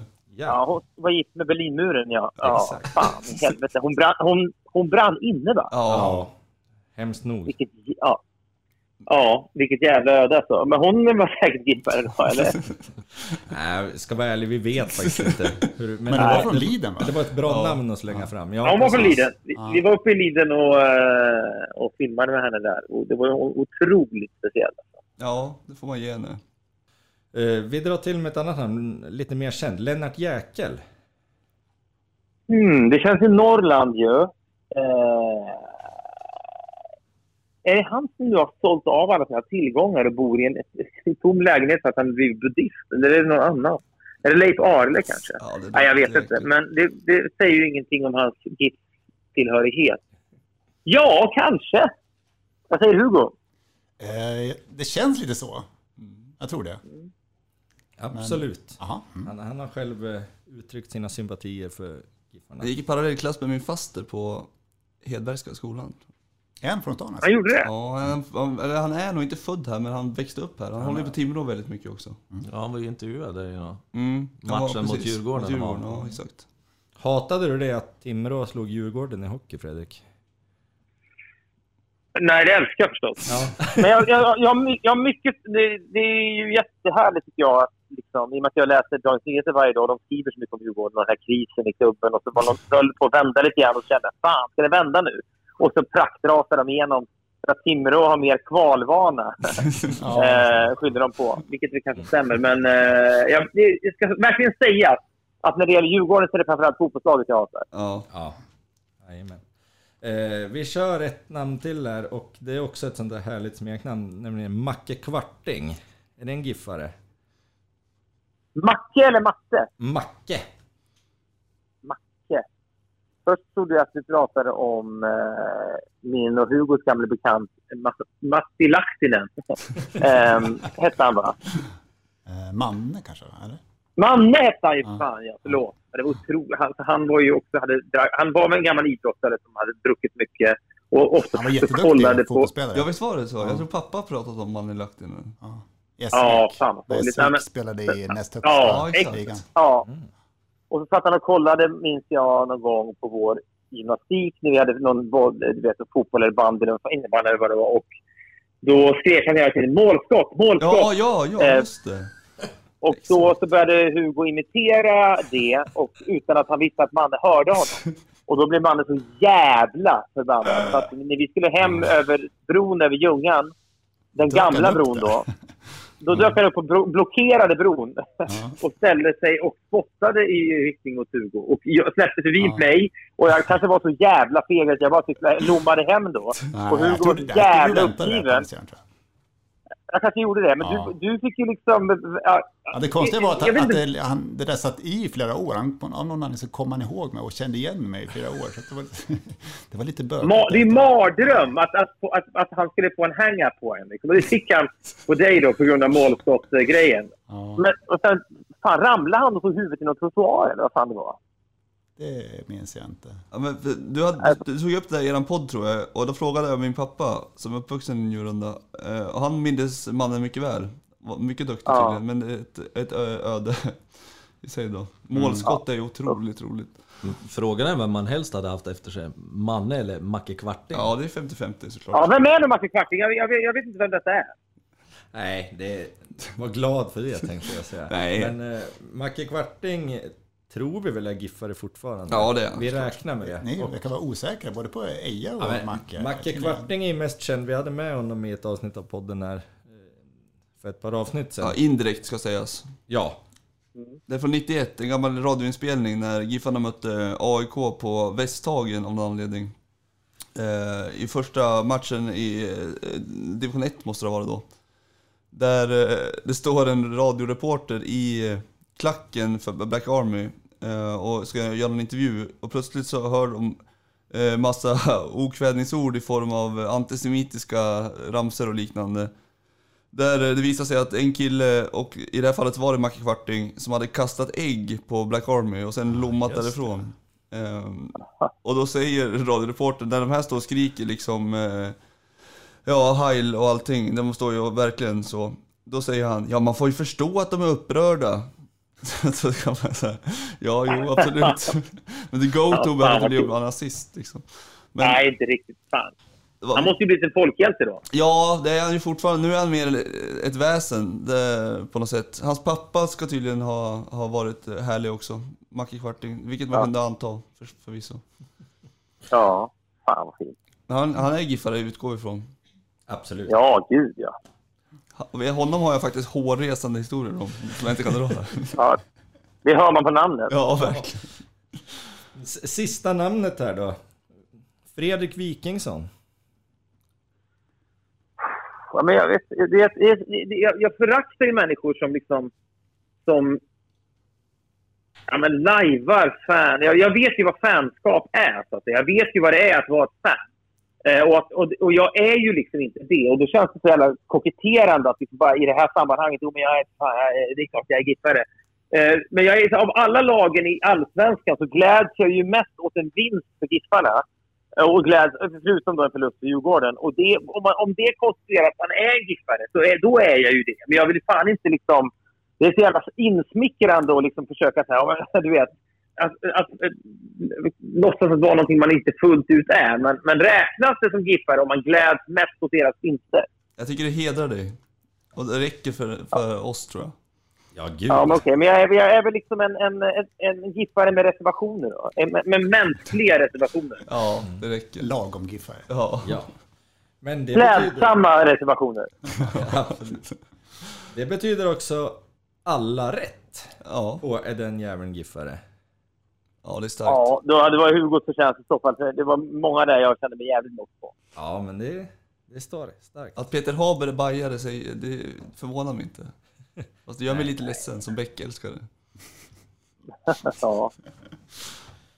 Det var det, ska vi säga så? Ja, det Ja. tycker jag. Vi, vi säger väl eh, framförallt eh, stort tack Fredrik för att du tog dig tid där. Jag måste säga att det var, alltså, det, jag tycker det är så jävla intressant nu, nu liksom, att, att, att jag, Mattias, nu kommer jag att tänka så mycket på Mattias. det, är, det är fascinerande, men det är, no, det, är, man, det är någonting med liksom hur, hur minnet fungerar liksom, att, att man, arkiverar vissa grejer och så har man liksom, okej okay, jag minns Andreas Gnell på fotbollslaget, Ja. jag minns, minns liksom Henrik och, och liksom, så, ja okej. Och, och Mattias har inte tänkt en sekund på, tror jag. Eh, och jag har inte ens fattat liksom att han har spelat i A-laget och liksom, jag har inte letat efter hans namn. Fast jag borde förstått det, men det bara, det är liksom, då, då blev man väl intresserad av musik istället för något tag där. Ja. Men alltså, Så nu, öppnas, att, den liksom, dörr, att, att, så öppnas det en dörr plötsligt så minns man att han hade långa ärmar. Matchtröja. Ja, det, det, ni behövde inte ens leda mig till de långa ärmarna. Jag kommer dem själv. Som ett bevis på att jag minns Ja. honom. Jag vet precis hur han såg ut. Och jag vet precis hur han rörde sig på planen och att han faktiskt var lite sned redan då. Och eh, men, eh, jag menar, den där typen av dörrar, när de öppnas så känner jag alltid en jävla stor tacksamhet. För då in, alltså, det finns ett vemod i det också när man inser hur mycket man har glömt eh, från livet. Men det är också en tacksamhet när, när de här dörrarna öppnas. Ett, för att man inte är dement än. Och två, för att man liksom inser att man har varit med mer än vad man liksom har top of mind. Och det är trösterikt på något sätt. Så jag, ja, det är mycket jag tar med mig från den här pratstunden. Eh, inte minst att få prata med Hugo igen. Och jag hoppas att vi kan ses igen. Du, kommer du ner till Stockholm någon gång? Eh, det kommer säkert hända. Jag hör av mig. Ja. Ja, om jag, om jag gör en nostalgitripp upp till Sundsvall så, så hör jag av mig Ja, det får bli det nästa gång då. I juni Ja, nästa gång. verkligen. Ja. Bor du kvar i huset? Nej, vi har flyttat in till stan. För eh, Ja, du, ja men det, det tror jag du har berättat till och med. Vem bor i huset nu då? Eh, de vi sålde till. De. Ja. Det var ju otippat. Jag, må, jag måste Ja, också det säga det. Nej, ingen släkt sådär, utan den har Nej, jag gått vidare. Ja. Eh, Fredrik, jag måste också säga det att jag spelar ju fotboll nu för tiden med just Andreas Ignell.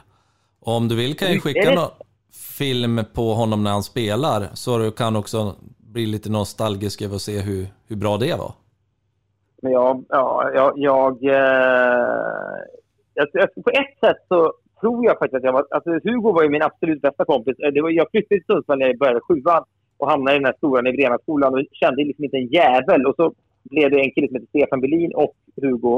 Och så var jag och Hugo mer lika varandra, så vi blev ju mycket tajtare. Eh, mycket för att vi skötte hästar och sådär. Så vi hängde vi var ju liksom ler och långhalm i flera år där. Jag har Eh, och en en- hårresande historia på Andreas Ignell och hästskötande, ska du veta. Ja, det- måste du nästan berätta, även om det är något internt för övriga lyssnare. Men jag måste, du ska skriva bort det om du jag, tror att du kan ta den med Ignell själv. Fråga, ja, fråga men då- honom om hästskötseln, så kommer han att svara. Nu blir jag nästan orolig för honom. Men eh, han, kände Ja, det sig ibland, han, var inte alltid helt han var inte alltid helt balans. Jag kan tänka mig att han är kapabel till impulsiva handlingar som han sen ångrar. Jo, jo tack, det är väl Han har vuxit upp och lugnat ner sig. Men han har fortfarande ett fantastiskt bollsinne. Shit, vilken... Han har det? Ja. Ja, hans, Jag har eh, försökt spela padel med honom, det är svårt. Jag fick, Om man låna inte är samma hans, jag fick låna hans eh, bordshockeyspel när jag skulle ha födelsedagsfest. Det var många, det ligger här inne, han har inte fått tillbaka det. Men eh, det var många krokiga spakar, ska jag säga, apropå. Ja, jag kan tänka mig det. Nej, men han, ja, jag, ska, jag ska komma till att jag var ju väldigt, väldigt nära vän med Hugo då. Vi umgicks mycket. Men Andreas var väl nästan, jag har nästan näst fightat med honom för att han, eh, han bodde väldigt nära mig också. Då, men när han, ja, vi hade väl mer gemensamt än vad många andra man hade i. Liksom. Ja. Han kommer ju börja i Så, vår så att, klass ja. också där på gymnasiet. Ja, han har varit i USA ett år. Ja. Ja. Kommer man från år äldre och kommer från USA så blir man ju Det, det är Ku Klux Det var- Ignell då.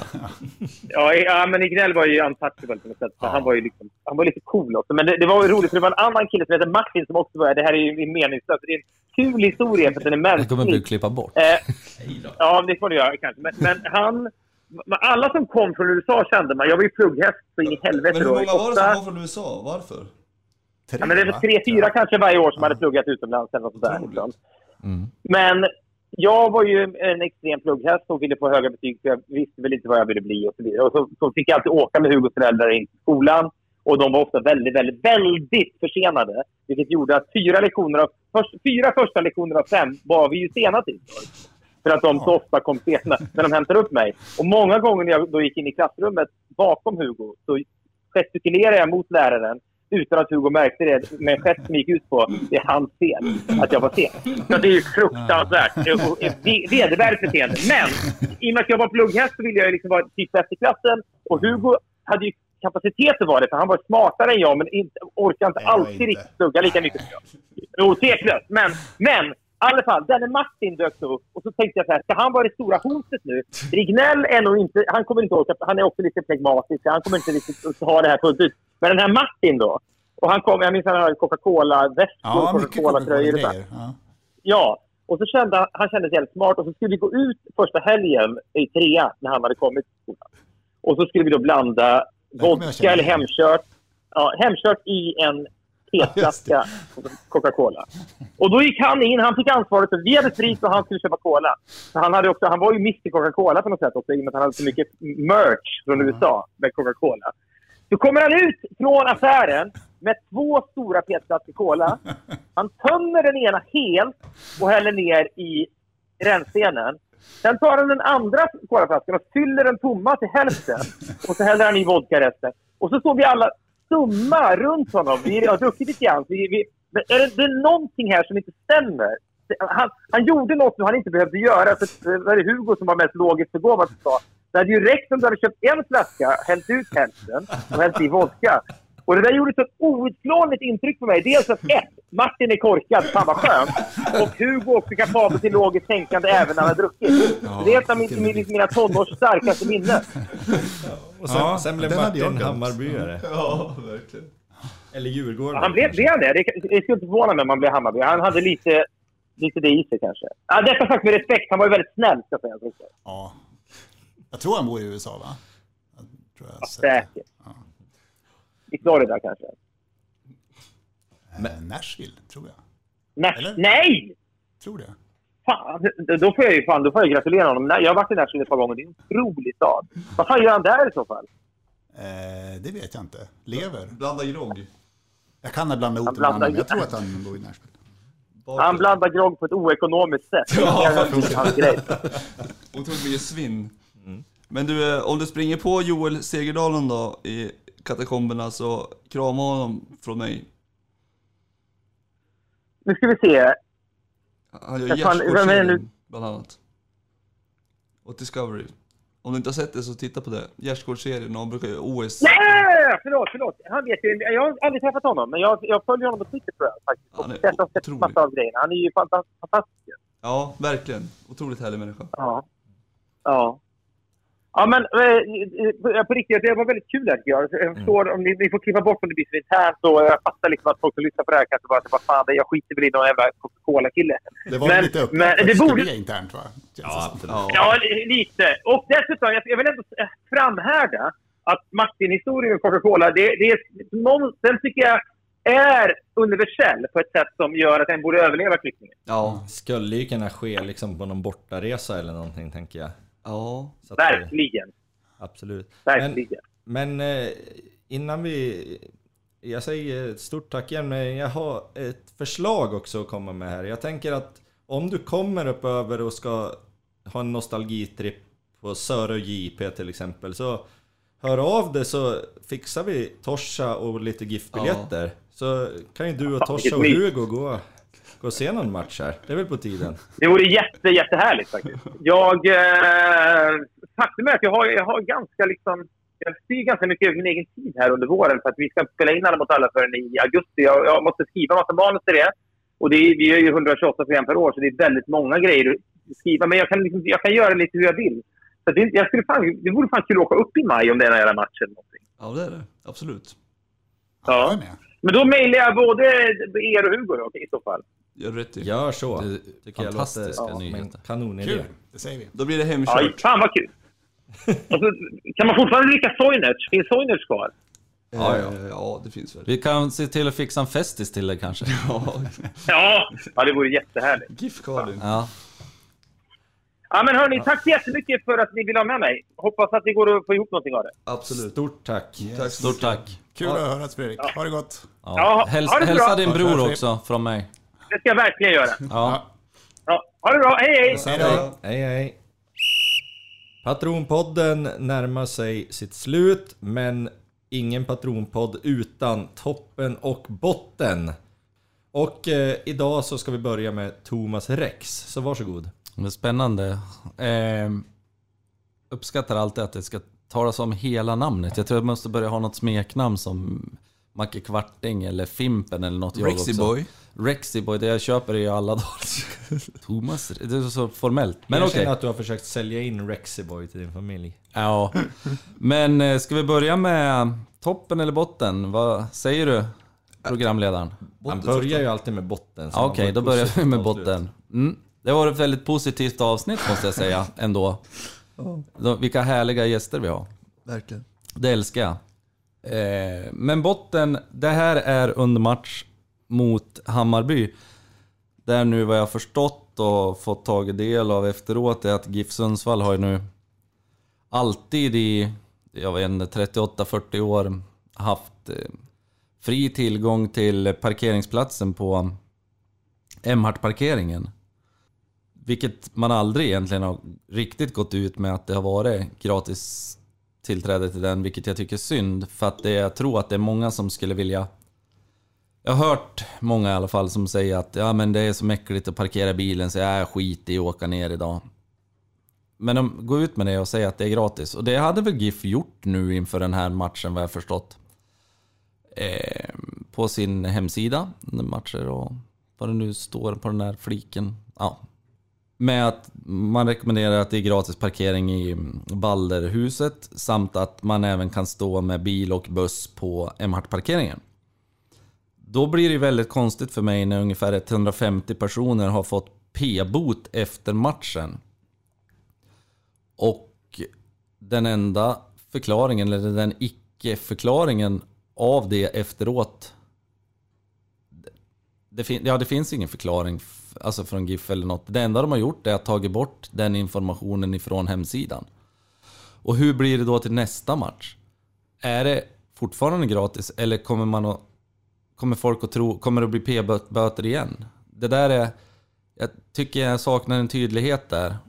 Och är det gratis eller är det inte? Eller, Men det stod innan match att det var gratis. ja, så har jag fått det förklarat. Det, det är ju förskräckligt i sådana fall. Ja, det kan jag tycka att det är förskräckligt.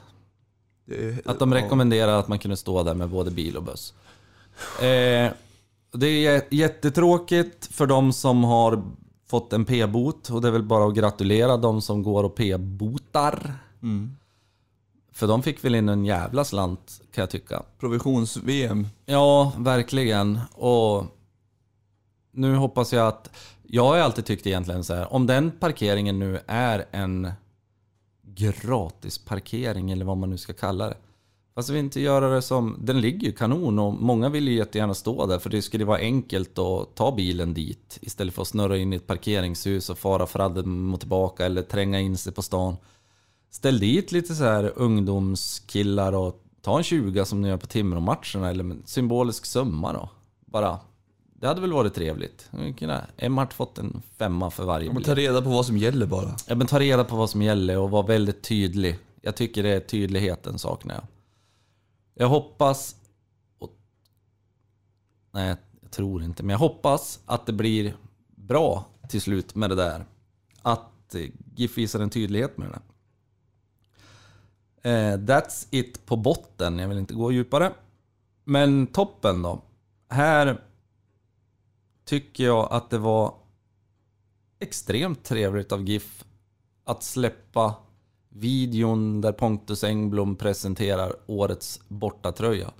Och att det också är en bortatröja som är någonting att hurra över. Jag tycker den är fantastiskt vacker. Och jag tycker att man har tänkt till, man har fått in de norrländska färgerna. Otrolig tröja. Synd att de inte hade riktigt tänkt på att den skulle också gå att säljas. Men det ändrar de ju och det ska de ha heder för. Synd också att den sålde slut på en och en halv dag. Men det ska ju... Världens mest positiva toppen. Det är toppen, för det kommer ju nu. De kommer ju att köpa in den igen och det ska säljas. Och de har gjort något och de har lärt sig av det det såklart. toppen. Jag tycker att det är toppen. Vi har fått upp en tröjförsäljning för GIF Sundsvall. Och det tycker jag är någonting väldigt positivt. Det har jag saknat i många, många år. Och med den där tröjan, ja jag ska köpa mig en GIF-tröja. Jag, har, jag har köpt den en gång, men den passade inte. För jag chansade på storlek. Ja. Fast på en kvar, ska Ja, jag säga. Ja. Hörni, toppen! Vilken jävla snygg tröja, håller ni inte med? Jo, jättesnygg. Ja. Nu undrar man ju bara, vart får man tag på försäsongströjan? Den är randiga. Den har jag velat köpt. Det vet jag, i Mordor. I Mordor. Om GIF kan eh, sälja en sån till mig så kommer jag vara ännu mera toppen. Ja, nu tackar vi Rexiboy för botten och Jag är inte helt brasklappstoppen. överens med det där namnet heller, ska vi säga. Vi kan hitta på. Ja, Nyss var så ja, jävla positiv. jag kommer, ja men vad fan. Men det är ändå Jag kommer att något, du- med något till nästa, till nästa podd. Ska jag Det är ha inte ett, du som bestämmer ditt smeknamn, det är vi, Rexy Boy. du, Ja, nej men det är ändå härligt att du Ja. precis har lanserat brasklappstoppen. Ja, verkligen. Det öppnar upp ett nytt segment. Eh, Med det så släpper jag in eh, Johan Martinsson, som tycker det mesta är toppen. Ja, verkligen. Brasklappstoppen lät verkligen toppen. Det är min toppen. Nej, jag börjar med botten då. Ehm, Det finns många botten, eh, som vanligt. Men eh, idag så måste vi lyfta fram det hårresande svaga arrangemang som GIF Sundsvall eh, bjöd på. Från start till mål faktiskt. För det här var ju inget oväntat att det skulle bli trassel, det visste vi ju tidigt. Eh, det lyftes eh, varningens finger för det här långt innan matchen ens hade blåst igång. Men det lyssnades inte på det och det är ju eh, skandalöst i, till mångt och mycket. Jag har eh, tagit del av delar av eh, den eh, rapport som, som eh, har kommit Giffarna till gagn efter den här matchen. Eh, det är ju ingen rolig läsning. Eh, det som är kanske värst av allt är väl att det släpps på Hammarby-supportrar som dessutom har haft möjlighet att köpa biljetter på hemmastå. Eh, det släpps på eh, insläppet för de vet inte var de sitter vid för insläpp, insläppspersonalen. De, de hade ingen aning om att det var hemmastå ens. Så medans 30 bajare traskar upp för läktaren och sätter sig bredvid våran ståplats så fortsätter det välla in bajare. Så det slutar med att en supporter får gå fram och berätta för insläppspersonalen att ni kan inte släppa in Hammarbyare på den här sidan för det blir ju jättedåligt. någonstans ska de väl ha litet försvar att de är rekryterade i sista sekund. Du kommer kanske till Jo, det är inte de som ska ha skit, Nej, utan det är ju. GIF Sundsvall då som inte har berättat för dem vad det är som gäller. Som vanligt så är det ju de som är ansvariga för det här arrangemanget. Och det är också de som får bära hundhuvudet nu i efterhand när det blir ett katastrofalt arrangemang. Det- Man ska vara väldigt lycklig och glad över att vi eh, klarar oss undan stora eh, dåligheter liksom den här matchen. För det hade kunnat sluta ganska illa eh, om det hade varit ett annat läge. Eh, Det måste man ändå vara på det klara med. Släppa in 30 stycken eh, borta supportrar på vid en hemmastå, det är inte... Ah, det, jag vet inte om jag har hört det, att det har hänt. Det, det är så mycket som är dåligt med arrangemanget. Så att eh, det är svårt att veta vad man ska liksom säga och inte. Det enda man kan säga är att om, om de inte börjar ta det här på allvar och om de inte börjar lyssna på folk utifrån som har koll, då kommer det här sluta med, med dåligheter. Liksom. Det är, så enkelt är det. Så nu får de, de måste, alltså föreningen GIF måste snäppa upp, det måste tas på allvar och man måste börja liksom förstå att det här är allsvenskan och inte division 1000. Det är, det är mitt medskick för att nu, nu liksom går det inte att hålla på längre med det här, med den här skiten. Lyssna på goda råd kanske. Ja, men man, precis, och det gör man ju inte. för men att man vill göra själv, man kan, man kan själv liksom. Mm. Det, det går inte. Och det är allvar nu på, på riktigt. Folk börjar tappa det också. Det, det, det går inte. Det är min botten. Då har jag inte sagt för mycket heller tror jag. Ehm, toppen. Ehm, Pontus Engblom eh, tycker jag har varit helt fantastisk eh, sett till de prestationer som har varit de här två första matcherna. Jag tycker att han som lagkapten går in och visar med sitt fotbollsspelande att han eh, verkligen vill det här och tar det här på allvar och att han, att han är en riktigt, riktigt, riktigt bra anfallare i Allsvenskan. Jag är imponerad av honom som person. Jag tycker att han är dels väldigt härlig och, och dels väldigt, väldigt bra i både liksom djupledsspel och i, vi ska ta ett spel. Eh, och så vill jag lägga in en liten, liten sido, side-note för att eh, inbytt, eh, inbytt senast var också Johan Bengtsson som jag tyckte gjorde ett bra, ett bra inhopp, visade att han ville spela fotboll, visade att han ville ha boll. Han var ganska obrydd över situationen och bara gick in och körde och jag tycker att han också ska ha en, eh, en klapp i, i, i, på axeln med positiva ord. Då fanns ner rygg som torsa. Ja, det kanske gynnar honom, jag vet inte. Nej, han var bra. Han var bra. Eh, Så det blir min toppen. Och i och med det så har vi nått vägs ände med det här avsnittet. Och 352. då- Ja, det, det får vi se. Det får stå för dig. Men... ehm, Vi säger tack till Urban Hagblom. Tack till eh, Fredrik Wikingsson. Stort tack till Hugo von Seipel. Och jag tackar som vanligt er, Johan och Thomas. Och eh, vi laddar mot eh, nya segrar. Det gör vi. Ja. Go, go Giffers! Go, go Giffers. Go! Thomas, vi ska avsluta det här avsnittet med... Aldrig falla igen. Av och med Tysta Marie. Och så får vi hoppas att det blir. Tack och hej!